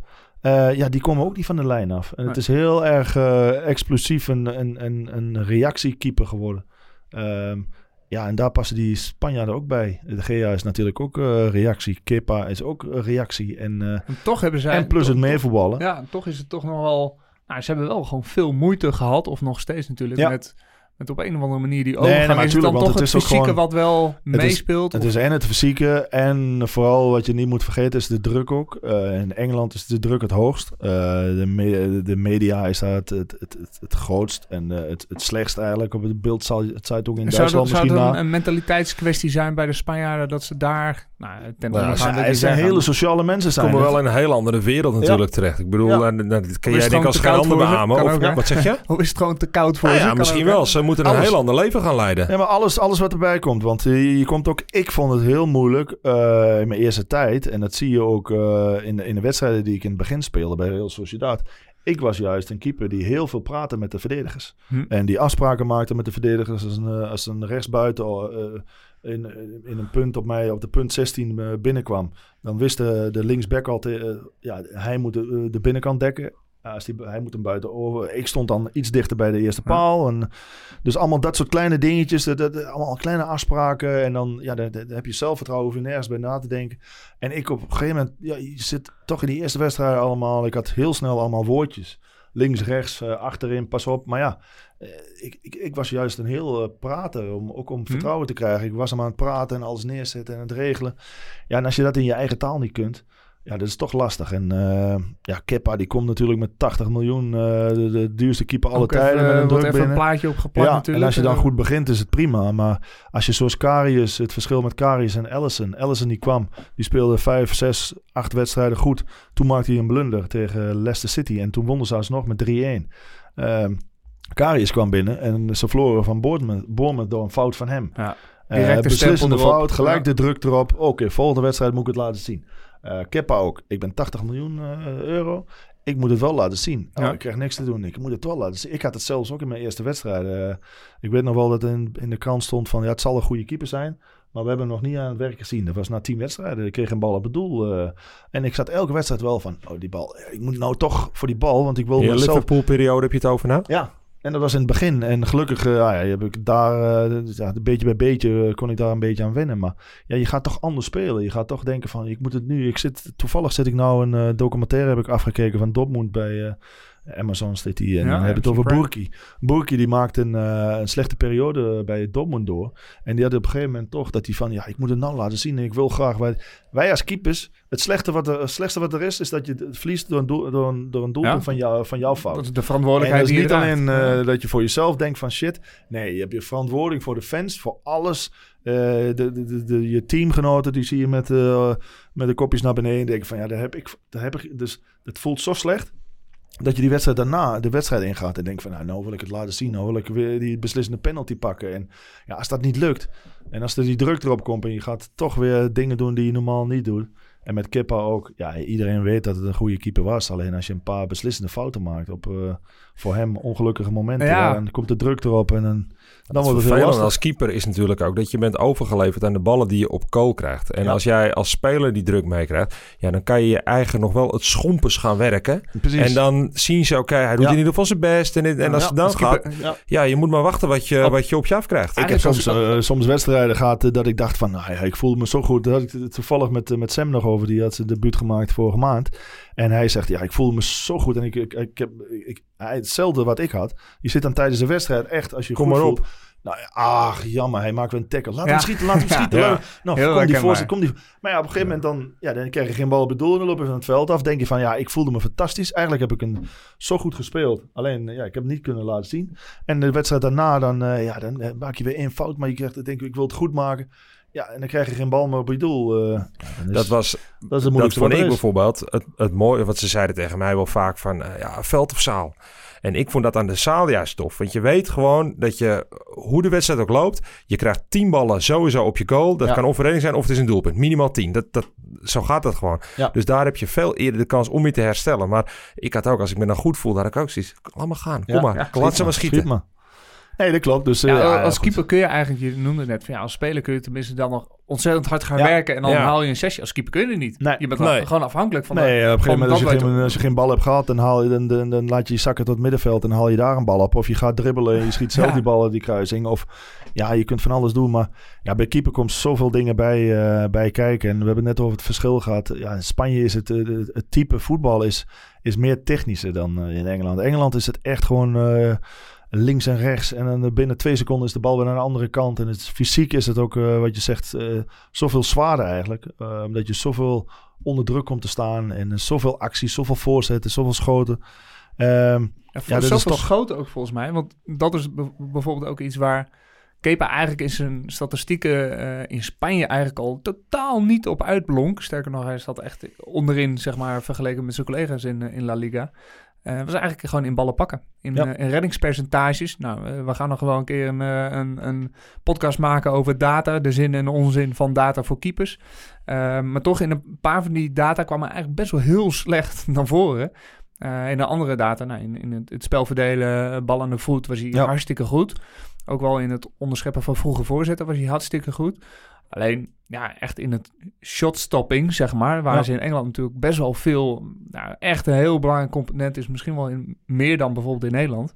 Ja, was, scoorde hij bij, eigenlijk in, in, in Spanje best wel ja, hij Slecht, samen met de. Gea hebben ze echt gewoon hele snelle reflexen. Alleen ja, daar heb je niks aan als je van, eh, van 20 meter op het doel schiet. Nee, dat, dat Dan ja. moet je toch een andere techniek hebben. En eh, ja, dit- dan wordt het zo'n handbalkeeper of een zaalvoetbalkeeper. Ja. Ja, dat is toch een ander soort keeper. En, eh, dus dat ligt er precies aan hoe die wedstrijd gaat. Als hij van dichtbij een paar ballen krijgt, dan zal die geweldige dan komt wedstrijd hij in zijn kracht, inderdaad. Ja, en dat heb ik ook met verschillende andere keepers. Kijk, iedereen heeft het over Drommel.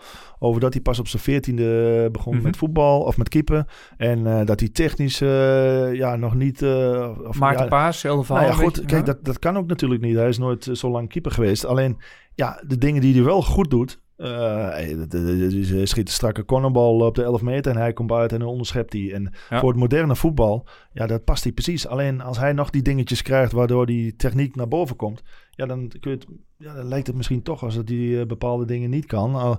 Maar ja, dan nog, kijk, Kippa heeft, het, heeft de pech gehad dat hij dan die bepaalde schoot op het doel wel kreeg, Ja. waar hij niet goed in is. Alleen ja, goed, het is ook een hele andere druk natuurlijk als je van Athletic Bilbao komt. Een club die eigenlijk nergens voor speelt. Eh, eh, en dan in één keer voor Chelsea. Ja, Ook nog voor dat prijskaartje. We hadden het net even over hard Ja. werk als keeper. Eh, Precies. Dat wou hij wel, want ik kan me nog een momentje herinneren dat hij... Nou, dat een trainer hem wou wisselen. Ja. eh, volgens mij een penalty. Ja, penalty ja, Toen is- zei hij, no, no, no, no. Vlak Ja. de tijd. Ja. Toen zei hij, nee, nee, nee, nee. Want, nou, misschien was dat de be- eh, zijn bewijsdrang inderdaad richting... eh, van, nou, ik, ik, ik, ik voel me goed of ik wil nog iets bewijzen Nee, om het goed te maken of om mezelf... Nee, dat, ja, die, dat heb ik zelf ook gehad in, dat was, in, in Zuid-Afrika wel, ook. Die trainer die, die wilde dat ik, dat ik een spierblessure ging faken. Omdat, het, omdat we onder druk stonden. kon ze even tactisch het een en ander en hij zegt van als ik een speler eruit haal, dan, eh, dan moet hij gelijk eruit worden gehaald. En de keeper die eh, Ja. kan zitten. Maar toen heb ik ook gezegd, ik zeg sorry, maar ik sta er juist om bekend dat ik met gebroken vingers speel. En als er iemand met tegen mijn kop aan schopt, dat ik, ook al was het een beetje gespeeld, maar ik wil nooit laten zien dat ik pijn had. En ik stond weer op en ik Ja. ging weer verder. Ja, dan ga ik niet zomaar op de grond zitten dat ik last heb van mijn kuit of dat soort dingen. Dus dat, daar heb ik ook wel eh, problemen mee gehad. Nou. Alleen in deze situatie vind ik toch dat het een beetje Tim Krul en uh, Sielen was. Als jij een keeper hebt die beter in penalty is, ja, dan moet je er gewoon af. Ja, En dat is mij ook wel verloren ze toen die ze penalty. verloren ook met penalties, ja. Ja. Nou ja, goed. Nee, maar goed, het is... eh, eh, ja. Ik ben we, wel over, we hebben het over het verschil van keepers. Ik denk dat het nou tegenwoordig een beetje... Iedereen een beetje hetzelfde aan wordt gespiegeld. Ik eh, heb samen met, met heel veel oud-keepers en keeperstrainers ook, ook het gevoel dat het in Nederland ook doorslaat met het meevoetballen. En ze willen maar blijven voetballen. En ja, dat dat heel belangrijk is. Terwijl je heel veel keepers ziet die geen bal meer vast kunnen houden. En eh, die een techniek hebben dat je denkt van, nou, dat is... Maar ja, dan zeggen ze van, ja, maar hij, kan heel goed meevoetballen. En ook als spelersbegeleider ben ik ook een tijdje geweest. Eh, ja, daar werd ook, ja, we willen een nieuwe keeper. Wat voor keeper heb je nodig? Ja, bij ons is de keeper de eerste aanvaller, dus hij moet goed eh, kunnen voetballen. Ik zeg, ja, Ja. maar moet je geen keeper die een bal tegenhoudt? Gewoon goede Ja. reddingen maakt. En, Dat is misschien ook wel het verschil hè, tussen... eh, als ik even... Nou, even... Keeper in Engeland is zeker in ontwikkeling. Maar als ik even die filmpjes eh, bekijk op YouTube... eh, wat ze daar voor keeperstraining doen... is het gewoon ballen rammen, rammen, rammen en alles klemmen. Ja. Hoe hard ze ook van hoe dichtbij ze Ja. vastgepakt worden. Ehm, maar inderdaad, eh, misschien is dat wel een onderdeel... dat daar gewoon in andere landen... dus in dit geval Spanje... veel minder aandacht voor is. En dat dat dus een van de componenten is... waar je dus eh, nou, als, als buitenlandse keeper in Engeland... eh, best wel snel op afgerekend kan worden. Omdat dat gewoon de norm is. Gewoon ja, de meest bizarre ballen van dichtbij gewoon, gewoon even klem pakken. Alsof het de normaalste zaak van de wereld is. Ja, precies. Dus, ja, maar goed, het blijft gewoon in elk land wel, eh, wel lastig. Wat ik zeg, eh, in Engeland hebben ze Pickford is de, is de nummer één. En als je ziet hoe, eh, hoeveel Ook niet druk... onomstreden trouwens. Nee, helemaal niet. En hoeveel fouten die hij dit jaar gemaakt heeft. En nu zelf ook zegt door... eh, hij is met een psychiater is die in gesprek geweest. En eh, ja, ook door de druk. En ook door de, de, de, drive die hij had. En de hij wilde zich bewijzen en laten zien als eerste keeper. En dan ga je toch op een andere manier spelen. En, maar ja, goed... ja, hij speelde tegen Liverpool helaas weer een goede wedstrijd. Maar voor de rest eh, is het ook nog steeds niet top. Nee. Dus, een- Ah, ik ben nog wel benieuwd of we daar ooit nog eens echt, echt de vinger op de zere plek kunnen gaan leggen. Van, ja, wat, wat maakt het nou, zeg maar, waar, eh, waarom je wel of niet slaagt in een bepaalde competitie? Hè? We hebben Ja. nu dus even... Nou, je hebt keeperstrainers ook. Je hebt, eh, ik heb eh, keeperstrainers bij, bij Liverpool heb ik een keeperstrainer gehad. Die was echt volgens het boekje. Die ging tien keer een bal links en rechts. En die, het enige wat hij zei is eh, vasthouden. En ik ben eh, pas op mijn 28e bij Real Sociedad. Ben een keeperstrainer die nu keeperstrainer is bij Manchester City trouwens. Hm. Eh Mansi Sador. Dat ik echt het gevoel had van, nou, dit, nou word ik echt gewoon een betere keeper. Ik had het gevoel heb ik ook met Hans, eh, of met eh, Frans Hoek gehad bij het Nederlands elftal. Ja. Dat ik bij Liverpool speelde en ik kwam voor het eerst bij het Nederlands elftal. En hij schoot 10 ballen vanaf de 16. En hij zegt, ja, hij zegt dat op het moment dat jij de spanning op je benen zet, vlak voor een schot, dat hupje wat de keepers doen, dat doe je net te vroeg. Waardoor je net te lang staat en dan misschien achteruit valt. En dan, Zak je weg in je power. ja, Ja. en hij zegt, dan moet je dat is, dat, dat hupje te laat. Nou, dat, dat soort dingen, die Maar details. Dat is ik- zo belangrijk. En je hebt in Spanje had ik ook een tussenstapje. Dat een bal, hij ging een muurtje neerzetten en ik stond links. Hij schoot die bal over de muur. Had een hele goede trap. Hij schoot ze achter me aan een kruising. En hij zegt ja en? Ik zeg ja, eh, ik, ben, ik heb geleerd om dan gewoon te gaan klappen. Van, eh, ja. En toen zei hij van nee, eh, voorvoetjes. En op het moment dat ik schiet, doe jij in plaats van dat je één stap zet en je gaat, probeer je een stap ertussen te zetten. Dus je voeten werken zo snel Ja. dat je één stapje ertussen en dan ben ik... En ik kwam in één keer met mijn hand gewoon voorbij de paal. En dat soort dingen. En dat zie je in Nou, dat- Spanje. jij dat deed zie je alles op Lamproe eh, eh, Lamproe doet dat. Die moet dat natuurlijk een stukje ook compenseren. Maar dat zie je bij hem. Uh, voetenwerk pam, is, eigenlijk het, het is zo, misschien wel het belangrijkste van een keeper. Het positioneel en dan door je voeten werken in een, eh, in een positie komen.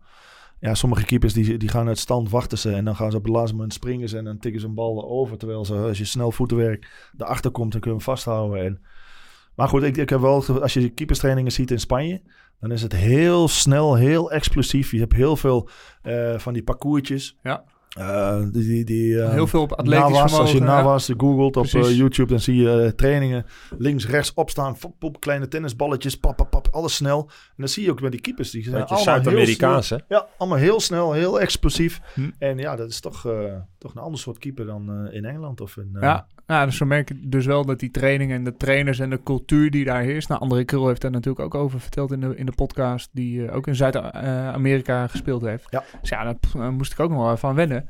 In Nederland zijn we natuurlijk een gehele andere eh, ja, vorm van training gewend. Ja.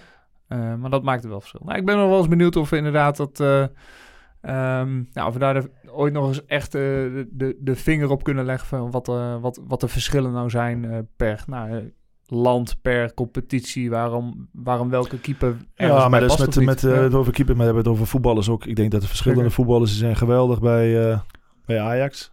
En bij, bij Chelsea kunnen ze niet meekomen. ja, ja. Dus eh, we hebben het over Ziyech. Maar ik bedoel, zo heb je zoveel spelers die bij één topclub gewoon geweldig zijn. En dan gaan ze naar een andere topclub en dan is het in één keer helemaal niks. Of tussen haakjes niks. Speelstijl, druk, alles is anders. En, dus ja, dat, dat is heel moeilijk om daar eh, aan te geven wat de echte reden is. Ja, absoluut. Zullen we een eh, kort rondje stand van het land eh, gaan doen? Nederlands elftal eh, speelt eind deze maand interlands. Turkije, Letland en Gibraltar wordt er gespeeld voor, voor de WK-kwalificatie. En eigenlijk, ja, de, jij bent international geweest en je zei, ja, ik zat in de periode van de SAR.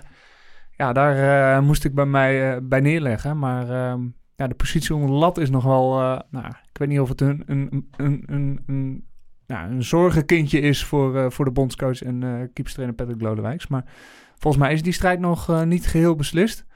Als ik jou zo direct op de man afvraag welke drie keepers zou je... Nou, laten we het eerst bij de eerstvolgende interlandperiode oproepen. Welke zouden dat voor jou zijn? Ja, het is, een, het is een beetje afhankelijk van, ook eh, van, van wat je precies wil. Eh, als ik op dit moment snel drie keepers moet hebben. Ehm, als het twee weken geleden was, had ik gezegd van... Oh, ehm, ik denk als Stekelenburg de laatste 15 wedstrijden bij Hm. Ajax speelt... Ik denk dat jij de perfecte keeper hebt voor het Nederlands elftal voor tijdens het EK. Eh, want ik vind, ja, Soet, volgens mij speelt hij niet eens meer. nee, nog niet fit. Hij is herstellende. Nou, Bizot heeft ook niet zijn beste jaar. Ehm Drommel en Bijlo zijn, eh, zijn jong, dus die komen erbij. Ehm Pasveer hebben ze het van de week over gehad. Eh, ja, dat is, dat is, het is moeilijk om op dit moment een nieuwe keeper erbij te halen zonder ervaring. Hoewel die het misschien verdient. Maar, dus ja, dan zou ik zeggen van eh Stekelenburg, zelfs eerste keeper. Ehm, alleen nu is Sielissen weer terug. Die Ja. heeft vorige week ook weer gespeeld. Dus ik heb ook altijd gezegd de laatste paar jaar van Sielissen voor mij is, is eigenlijk de Nederlands elftal keeper. Die heeft het, het, het Ja. Het profiel van een Nederlands elftal En keeper. eigenlijk ook weinig steken laten vallen Ja. in alle interlands Ja. die eh, tot nu toe heeft gespeeld. Alleen Dus dan dat nog even- heb ik de, een paar jaar daarvoor altijd gezegd van in potentie vind ik Stekelenburg eh, de ideale keeper. Ja. En dat vind ik nou nog steeds. Als hij gewoon eh, Maar dit ook al niveau, 38, eh, hè? Ja, maar dat maakt dus niks uit. Hè. Dat is maar 38. Eh, van de Sar die ging ook tot 42 door. Ja, helemaal eens. En als jij, eh, kijk, een, een EK is ook maar zes wedstrijden of acht wedstrijden. Hoeveel zijn het? Vijf, zes, zeven wedstrijden. Eh, dus als ik er nou drie op moet ro- roepen, dan is het misschien ja, Krul, Silas en Stekelenburg zelfs. En dan bij het EK. Alleen ja, ik vind Drommel heeft het misschien ook verdiend. Eh Bijlo is, is misschien heeft te weinig gespeeld. Maar ja, voor de toekomst is het misschien bij EK ook goed dat je een jonge jongen erbij hebt. Hm. Alleen ja, eh, Stekelenburg met al zijn ervaring. Als die Ja, dat kan. Ja, ik, ik, ik, ik zit zelf inderdaad, nou, voor deze periode zou ik hem denk ik nog niet op, oproepen. Maar ik zit er wel steeds meer over na te denken. Inderdaad, nou, voor de samenstelling van een EK-selectie kijk je natuurlijk ook naar andere componenten dan alleen maar wie zijn de drie beste keepers die we hebben. Dan kijk je ook naar ervaring, internationale Ja. ervaring, toernooiervaring. Eh, maar ook de sociale component. Volgens mij kennen we allemaal het verhaal van eh, Sander Boske, die eh, natuurlijk eh, in 2010 mee mocht In plaats van Piet Veldhuizen, eh, omdat hij sociaal beter gewoon eh, in de, Ja, in, en toch in de groep als, en, als en derde de keeper dan. Dus dan heb je toch al... eh, Ja, je komt er toch niet in. Maar Nee, maar als je daar dan, nou, volgens mij de verhalen gingen toen eh, Piet Vel- eh, Veldhuizen, eh, ja, die schoot toch gewoon de ballen liever in de kruising dan, dan, dan dat hij Ja. bezig was met die eerste twee keepers. Eh, ja, dat heeft hem wellicht eh, op kwaliteit misschien wel gewoon een plekje eh, in die WK-selectie gekost. Eh, omdat je als ja, derde goed, keeper ik, heb, een bepaalde andere rol hebt. ik heb het zelf ook meegemaakt. In de tijd dat ik niet speelde, eh, raakte ik mijn plaats kwijt, kwijt aan, eh, aan, aan Henk Timmer en aan eh, Ronald Waterreus. En in Ja. 2004 kwam ik eh, bij het WK weer terug, of het EK in Portugal, met advocaat. Ehm, en toen werd, was er dus ook sprake van, eh, ja, eh, eh, van de Sarre Waterreus en Stekelenburg, die was jong. Ja. Of Westerveld. Nou ja, goed. Toen zei advocaat ook heel duidelijk van... ja, ik ben hier bezig met een eh, EK. Ik wil gewoon eh, het EK winnen. En ik wil de drie beste keepers. En ik ga niet over de toekomst eh, denken van... ja, daar haal ik Stekelenburg voor de toekomst, voor ervaring. Ik wil nu presteren. Dus ik wil de drie keepers die er nu het beste zijn. En ja, dan zou ik bij het EK ook gewoon... ja, Stekelenburg, Sielissen en Krul op dit moment meenemen. Arjen, jij? Ja, ik ben het 300% eh met, eh met Sander eens. Kan ik nog Ja. even zeggen dat... eh, kijk, het is ook niet voor niks dat... eh, volgens mij had Van Gaal dat sowieso. En eh, nu ook Frank Sielissen speelde niet bij Barcelona. Eh Van Gaal had het met... eh, ik weet niet of de keepers daarvoor waren. Maar er zijn keepers genoeg geweest die op de bank zaten. En toch bij het Nederlands elftal kwamen. Ja. Want het is toch... Wat Ja, ik al dat zeg, heeft het de boer uitgesproken, hè? Ja, dat hij dat de- dus niet wil. Dat, Boer heeft het daarom gaat die discussie Ja, ook, dat omdat hij dat daarom heeft hij waarschijnlijk had die Sielissen dan misschien niet de eerste keeper gemaakt. Want die is nou zo lang geblesseerd, heeft zo weinig gespeeld. Alleen ja, als jij toch, het, het blijft toch ervaring. Je moet toch, kijk, je kunt nog de beste keeper van Nederland zijn, of de beste keeper van Engeland. Als jij nog nooit in het Nederlands elftal hebt gespeeld en je speelt in EK, ja, dan ben je toch een, eh, dan wordt het toch heel lastig hoor. Ja, En als je Stekelenburg hebt die nu fit is en je speelt goed, eh, Ja, ja, dan ik ik zou hem niet, direct eh, meenemen. Ja, ja. ik, ik, ik zou hem op basis misschien van toernooiervaring en sociaal component, denk ik, zou hij best wel een plekje in, in de EK-selectie kunnen krijgen. Ehm, maar voor komende wedstrijden denk Nee, ik, maar wat ik zeg, kijk, meer- Sielissen die speelt nu sinds een ja, paar weken. dat is Maar hartstikke goed. Dus als hij denk, niet gespeeld had, dan, nee, dan eh, was het een stuk moeilijker geweest. Kijk, en dan moet je kiezen tussen Krul en, eh, ja, tussen Krul en, eh, Ja, ik en ben persoonlijk- En dan, Ja, ik Ja. vind Krul een hartstikke goede keeper. Maar als ik echt naar Nederland zelf te kijken en ook naar de, nou, misschien dan iets verder naar de toekomst, zou ik toch wel misschien een keuze maken tussen Bijlo en Drommel om, eh, om een van die Ja, jongens dat zou- echt Ja, meer dat, zou inderdaad zou dat ook Alles. de enige. Dat wou ik er ook achteraan zetten. Ik zou ook voor die drie gaan, mits als trainer, want gelukkig hoef ik het niet te bepalen.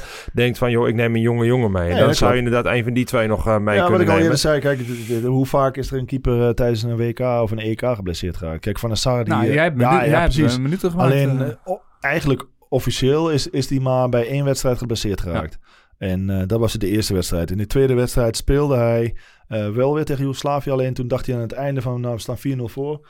Eh, had gewoon door kunnen spelen. Het risico kunnen lopen. Tegen Frankrijk had hij misschien ook kunnen spelen alleen. Dus ja, nou goed, dat zijn eh, echt dingen. Dus de, de derde Ja. keeper op een toernooi, die speelt eigenlijk nooit. Dus dan kun je zeggen van, nou ja. Volgens mij heeft Van Gaal het wel gedaan met ehm, maar vorm.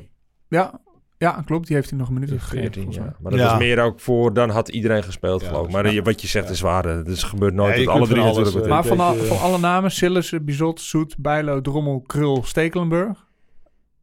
Ehm, hoor ik Bezoet, of Bizot het, het minste eigenlijk. Nou, hij heeft eh, volgens mij, eh, zijn we het vrij snel over, zeker niet zijn beste jaar. Eh, en, en, en Zoet, ja, dat gaat misschien nog wel een heel moeilijk verhaal worden als hij nou, nu nog steeds niet fit Ik, is. moet- maar ik ook, ben hem eh, helemaal kwijt, moet ik eerlijk zeggen. Ik ja, hij, heb, speelt, eh, hij speelt in Italië bij Ja, dat weet ik. Spezia. En Spezia. hij is, hij is eh, in zijn eerste of tweede wedstrijd heeft hij een liesblessure opgelopen. En hij is nu weer eh, terug op trainingsveld. Ja, dat bedoel Nou, ik. laten Want we ik, zeggen ik, dat ik was hem nog, kwijt omdat ik hem in, in die wedstrijd die ik zie... Ik heb het nou weer AC Milan gezien tegen Spezia. En dan was hij weer niet, stond hij er weer Nee. niet bij. Nou, Dus ik wist zal- niet of hij fit was op de bank zat of dat hij maar... Maar goed, dus die heeft gewoon een hele jaar niet gespeeld. Ja, en Sillissen, dat moeten we niet vergeten. We, zeggen nou wel van hij heeft twee wedstrijden gespeeld. Dat klopt. Maar je moet je ook afvragen waarom speelt hij? Want eh, ze, willen, eh verlullig gezegd, ze willen van hem af. Dat is gewoon uitgesproken. Hij eh, is de duurste speler die nu nog in de selectie loopt. Dus ja, ik, speelt hij ja, echt op zijn kwaliteit? Of spelers speelt hij omdat ze hem in de etalage Ja, willen maakt zetten? niet uit, toch? Spelen, Ja, spelen. dat maakt Dus voor alleen EK, spelen is voor de EK maakt misschien niet uit. Maar, Ja, maar dan nog, hij moet wel het eh, op niveau spelen Ja, hij moet wel gewoon eh. zijn nou dat bedoel ik eigenlijk meer. Van, joh, hij heeft wel gespeeld, maar ik heb het niet gezien, dus ik kan niet over Nee, oordelen. ik maar haalt, het is, is hij op zijn niveau? Ja. Dat eh, moet je ook afvragen. Nee, eens. Maar ja, laten we van, van even nog vanuit gaan dat hij eh, dat niveau gewoon wel weer kan, eh, kan halen. En, eh, Ja. en zeker door wekelijks spelen. Ja, want nogmaals, kijk, als het vooral Drommel bijvoorbeeld. Kijk, Drommel, ik, ik vind echt dat hij het verdiend heeft. Ik vind dat hij Hm. echt een heel constant keeper is dit jaar. Weinig fout heeft gemaakt en heel veel goed heeft gedaan. Ja. Alleen ja, het Nederlands elftal blijft het Nederlands elftal. Ja, is dat is net zoals hoor. met Kepa bij Ja. Chelsea. Dat, is een, eh, dat is wel een hele grote stap. En eh, dan moet je wel, ja, dan moet je eigenlijk tijd hebben. Zoals, daarom zou het misschien logisch zijn dat hij er nu bij wordt gehaald. Of Bijlo bijvoorbeeld. eh, om, om toch ervaring op te doen in die wedstrijden die nou komen. Ja. En dan heeft hij in ieder geval ervaring. Ja, die aan aanloopperiode beetje- heb je even nodig, zeg maar. Je kan hem niet Nee. vanuit het niets in, eigenlijk meenemen naar het EK. Nee, dus en als je dan zegt van ja, maar, maar eh, dan, dan moet je hem ook eigenlijk niet meenemen naar het EK. Nee, Ah, moet zijn je wel hem, interessante eh, keuzes die... eh, wedstrijden geven die daarvoor komen of daarna. Dan zeg je van een WK speel ik of het EK speel ik met de beste keepers en daarna krijg jij je kans. Want ja, het is, Ja. het is gewoon te belangrijk. eh. Ja, ik, eh, richting EK zou ik, eh, zou ik Stekelenburg wel eh, een kans willen geven als, als tweede of derde keeper. Uh, Sillissen zie ik echt nog wel gewoon als, als de nummer één. En dan ehm, ja, is het toch in mijn ogen wel een beetje de keuze tussen Bijlo en, eh, en Drommel momenteel. Ja, en je Waarom Bijlo, hè, ook heel eerlijk gezegd, we hebben het over geblesseerde keepers. Ja. Volgens mij heeft hij nog steeds geen 40 wedstrijden Nee, nee, nee, gespeeld. En dat is ook met name om, om, om, om de vele blessures. Dus dat is ook nog wel... eh, Ja, en jij zegt uh, Stekelenburg mij als tweede of derde keeper. Maar uh, ergens staat er mij iets bij dat hij daar eerder voor bedankt heeft, hè? Nou, dat zou kunnen. Hè? Dat zou gewoon ook een keuze kunnen zijn. Hè? Ja, En misschien dan- zal hij zelf. dan- Hij zegt ja, ik wil misschien wel mee als eerste keeper. Maar, Ja, maar hij is ja, nu- precies. hij is- hij ik kan me dat van herinneren van een paar Ja, jaar dat geleden. zou Dat, hij kunnen. daar toen voor bedankt heeft. Maar de situatie is nu ook anders. Hè? Hij is, eh, nou, in feite was hij natuurlijk gewoon tweede keeper bij Ajax. Nou, nu, eh, nu speelt hij omdat Onana geschorst is. Ja. Daar heeft hij dus- zich dus ook wel bij neer kunnen leggen. Bij, Ja, dat is ook weer zoiets Ja. natuurlijk. Je Maar moet, keuze, eh, hè? kijk, je kunt nog zo goed zijn, maar je moet ook de mogelijkheid als keeper. Daarom zei je, het is heel goed dat je de allereerste zin van het gesprek, volgens mij zei je de belangrijkste positie. Of de, Zeker. ja, dat zeg ik ook altijd. eh, ik zeg dat is de belangrijkste positie van een elftal. De mo- moeilijkste positie ook, denk ik.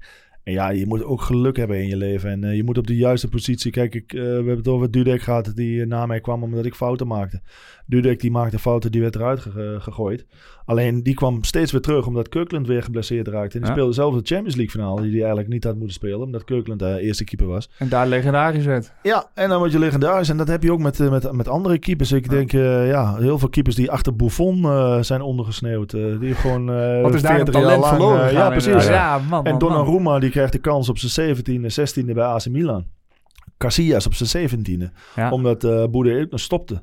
Maar ja, voor hetzelfde geld zat Casillas achter Buffon. En dan- allemaal dat soort dingetjes. Ja, En dat is nou Ja. met Stekelenburg ook. momentum. Ja. Die speelt en eh, ja, die verwacht eigenlijk niks. En die, die is nou eerste keeper van Ajax. En we, we praten nou over hem als eh, eerste keeper van het EK straks. Dat hadden we twee maanden geleden niet kunnen, kunnen bedenken eigenlijk. Het leven van een voetballer. Ja, ja, ja, Ja, dat dunne lijntje weer, hè, waar we het eerder over gehad hebben. Zeker. En eh nou, inderdaad, je bent soms afhankelijk, kan nog zo hard werken, maar afhankelijk van de ballen die op, op goal geschoten worden of momentum achter een En de eerste trainer keeper die je en nog een extra trainer. wedstrijdje laat staan en vertrouwen geeft. Zeker, of ja. hem wel eruit gooit of, Of dat niet. een Hoelier op, op zoek is naar een, eh, een keeper Ja, die nooit fouten die nooit maakt. Dat fouten zijn, maakt. eh, ja. Maar feit is wel, het is helemaal waar waar we het nou over hebben. Alleen ik vind wel dat Stekelenburg laat het ook gewoon zien. Ik vind het Ja, prima hij staat dat. Nee, hij speelt niet alleen. Hij speelt best- gewoon, heeft nog geen fout gemaakt. En hij speelt heel zeker. En daarom zei ik ook, omdat hij met zoveel ervaring... Hij heeft, eh, erva- hij heeft een WK-finale gespeeld. Ja. Dus hij kan ook gelijk vanaf dag één bij zo'n EK spelen. Ja. Zonder druk en zonder eh, Ja. nervositeit. Ja, dat is, ik, Dus dat, spelen eh, zie ik nog niet echt voor me, maar ja. Want, eh, nou, we gaan het de komende maanden ook zien. En de komende weken ook, want eh, Ja, eh, de gelukkig selectie gaat... niet te eh, beslissen. Nee, nou, we- je ziet al. eh, Ja. ik, wellicht dat dezelfde discussies ook in de, in de, ka- in de trainingskamer van Nederland zelf gevoerd worden. Ehm, zullen we weer afsluiten met een, eh, met een ode? Een ode aan een keeper. Elke, leuk. elke, elke aflevering zetten we een keeper eh, eigenlijk in de spotlight. En deze keer kwam eigenlijk het verzoek eh, via een luisteraar van ons, Henk van der Hoeven, die eh, benaderde ons op Twitter van, joh, eigenlijk moet je een keer een, eh, een ode doen aan eh, Theo Snelders. Misschien wel de Theo meest Snelders. ongewaardeerde keeper die, die, die gespeeld heeft in Nederland. Niet bij mij. Nou, niet bij jou. Het was echt puur toeval. Ja, ik, ik weet natuurlijk dat jullie beiden bij, bij Twente hebben gespeeld. Maar ik, ik, nou inderdaad, nou, ik had niet zo'n eh, beeld van, eh, van Theo Snelders. Maar jij zei al, ja, dat, dat was echt mijn Ja, jeugdheld. Theo eh, Snelders is echt een, echt een ja... als je het hebt over idolen en alles, dan was het bij mij... Ik werd altijd vergeleken met Hans van Breukelen, omdat ik een beetje op hem leek. En ook hoe die agressieve spelstijl had. En, maar ja, ik had het altijd over Theo Snelders. Theo Snelders, ik, wat ik al eerder zei, op de Diekman bij de Tubantes, daar trainde zij ook met Twente. En eh, als, ik, als ik kon, dan eh, liep ik naar de overkant en dan ging ik de training van Twente bekijken. En eh, ik heb een keer ook nog een paar handschoenen naar de wedstrijd van, of naar de training van hem gehad. Ik zat altijd achter het doel op het Diekman, op boven op het hek, zat ik naar die keeper te kijken. En qua stijl, het was gewoon echt een ongelofelijke keeper. eh, reflexen, alles. En hij had een geweldige dropkick. eh, dus het was echt een topkeeper die eigenlijk eh, ja, misschien te snel uit Nederland weg is gegaan. Voor hem niet. Hij heeft een Voor geweldige carrière meegemaakt in Schotland. En Ja, wat dat betreft, maar ja, dat eh, nog steeds. Ik, ik heb een tijdje met, met Twente meegetraind voordat ik naar Sparta ging, volgens mij, om fit, fit te blijven. En toen mocht ik met hem bij de keeperstraining. Nou, dat was echt geweldig. Mooi, Was je keeperstrainer geweest bij het... Ja, eh, Maar hij is bij Twente, keeperstrainer ja, geweest bij Twente eh, geweest. ja. Mooi dat je na, Ja. nou, na zo'n carrière, of tijdens zo'n carrière, toch nog eh, opkeek tegen... Nee, opkeek, maar het is maar ook mooi vond van Theo Snel dus keeperstrainer Ja, en ik heb daar heel veel van, eh, want je leert allemaal dingen. En eh nogmaals, nog heel vaak word ik eraan herinnerd, om, omdat ik heel vaak in interviews ook zeg van... eh, Dat ik erom bekend sta dat ik nooit iemand voorbij loop en dat ik altijd handtekeningen geef. En eh, dat ik nooit nee zou zeggen tegen een fotootje of, ehm, Of een podcast. of een podcast. nee, maar ook dat ik gewoon ook eh, dat kleine jongetje eh, zag staan die ik zelf was bij Theo Snelders. Ja, mooi. En waar ik een, eh, een paar handschoenen van kreeg. En eh, daar keek ik zo tegenop. En die gewoon tijd nam en mijn handschoenen gaf. En eh, ja, dat heb ik, heb ik altijd onthouden. Ik, ik zal nooit iemand voorbij lopen. En, hij, en laten we ook eerlijk zijn, hij heeft natuurlijk echt wel een schitterende carrière gehad in de jaren, jaren 80 en 90. Hij, hij, hij begon bij Twente, net als jou. Hij volgens mij nog steeds de jongste keeper bij, bij FC Twente ooit op doel. 17 jaar ja, en een paar Ja. dagen, zeven dagen volgens mij. En toen eh, na een aantal jaar eh, een transfer gemaakt naar, eh, naar Schotland, naar Aberdeen. Daar ook nou, een- grootheid geworden. Volgens mij ook mede door een penalty-serie in de bekerfinale tegen Celtic, die ze toen wonnen. Ja. Interlandcarrière is nooit echt van de grond gekomen. Althans, hij heeft één interland gespeeld in 1989. Eh, daarna zou hij nog een interland spelen tegen West-Duitsland, een kwalificatiewedstrijd. Maar de dag voor de wedstrijd werd hij toch van het papier afgehaald. Omdat, het, ja, omdat er toch bepaalde krachten en stromingen binnen het Nederlands elftal ook wel waren die, eh, die liever andere keeper, een andere keeper op goal eh, eh, zagen. Toen ook een jaar of vier, vijf niet geselecteerd geweest. En uiteindelijk toch nog een to- toernooi meegemaakt met het WK 94 in, in Amerika. Ik kwam ook nog tegen, misschien is hij wel de enige keeper. Moeten, we- moeten we wellicht nog een keer factchecken. Maar die de nul heeft gehouden tegen Diego Armando Maradona. ik ook. Ja? Nou, kijk dan. Ik heb eh, nooit tegen hem gespeeld. ja, precies. Nou, dan kunnen, dan kunnen we elkaar de hand schudden. Want eh, ik heb ook geen doelpunt tegen gehad van Maradona. Maar dan kan ik er nog wel een Ja, paar maar nou is Theo Snel is gedeeltelijk voor mijn tijd geweest. Maar ik, op een of andere manier, als ik daaraan denk, zie ik hem in een soort grijze joggingbroek. Klopt dat? Of nee, nee, nee. zit het dat dan is helemaal mis? die- Dat is dat wordt die, eh, die Duitse keeper, of die, eh, die keeper die in Duitsland heeft gevoetbald en bij Crystal Palace. Die had al een grijze. Maar Theo Snelders had wel altijd een lange broek. ja, Altijd lange broek. dat op een gegeven moment lange heeft broek. hij, Het eh, zegt het zegt knieblessure, Hij heeft altijd last van, knie, van zijn knie gehad. Oké. En hij speelde ehm, ja, de laatste jaren sowieso met een, maar Wel, met een hè? zwarte. Wel met een zwarte. Dus Ja, hij maar na ik Aberdeen- maar zie hem in een lange broek inderdaad voor ogen. Nee, altijd lange broek. Na. Aberdeen ging hij nog naar Glasgow Rangers. ook geen club natuurlijk. Ja. En van de Rangers ging hij uiteindelijk weer naar MVV eh, in Nederland. En Ja. eh, nou, volgens mij daar ook zijn eh, carrière beëindigd. Ja, maar dat was echt schandalig, die keeper. Ja. Met zo'n grote, grote joggingbroek. Ja. eh, ja. Nou, misschien nog een, Hij- mooie, mooie keeper om nog een keer in een... kwijt, ja, er is ook nog een Hongaarse, een Honga- Hongaarse keeper. Hè, die paar was jaar, dat, ja. ja. Ja. Nou, Maar die speelde in Duitsland. Speelde in Duitsland, Ja. toen ja. bij Crystal Palace of bij QPR. Heeft hij nog in Engeland gespeeld? Nou, die gaan we nog eens, eh, die gaan we nog eens een keer in Een de ode... zo'n ode- kleur. En dat als broek. Ja, Ja, echt zo'n ja, mooie ja. joggingbroek. Het Ja. was net de pyjama broek wat hij aan had. Maar Theo Snel is dus ook altijd met een lange broek aan. Ja. Ehm, goed mannen. Volgens mij, eh, nou, we zijn al eh, ruim een uur eh, bezig in de, in de, in de We kunnen podcast. uren Dus door blijven praten. we, over we het, kunnen uren doorpraten. keepers. Nou, wellicht gaan we je in de toekomst nog een keer uitnodigen. En Ja. dan gaan we Ja, dat was rustig leuk, door. Sander. Bedankt, gelijks. Ja. Leuk om hier te zijn. bedankt eh, dat je bij ons aangeschoven in de, in de Showkeepers podcast. Eh, en eh, bedankt ook eh, jullie luisteraars voor het luisteren. Mocht je nog een mooie, mooie ode hebben aan een keeper, eh, eh, nou, eh, geef hem vooral door. Ge- tip ons, eh, zoals vandaag ook Theo Snel dus eigenlijk eh, voorbij eh, kwam in de, in de ode aan de keeper. Ehm, mocht je deze podcast geluisterd hebben en hem heel tof vinden, deel hem vooral op je, op je socials, Twitter, Facebook, Instagram, noem maar op. Ehm, ja, het helpt ons ook natuurlijk weer om eh, nog meer keepers, keeperstrainers en liefhebbers te bereiken. Eh, dus dat wordt zeker eh, gewaardeerd. Tag ons op, eh, op Twitter of Instagram met de hashtag wil ik zeggen, maar het is een apenstaatje Showkeepers. Ehm, voor nu veel plezier met het luisteren naar deze podcast. En tot de volgende aflevering van Showkeepers Podcast.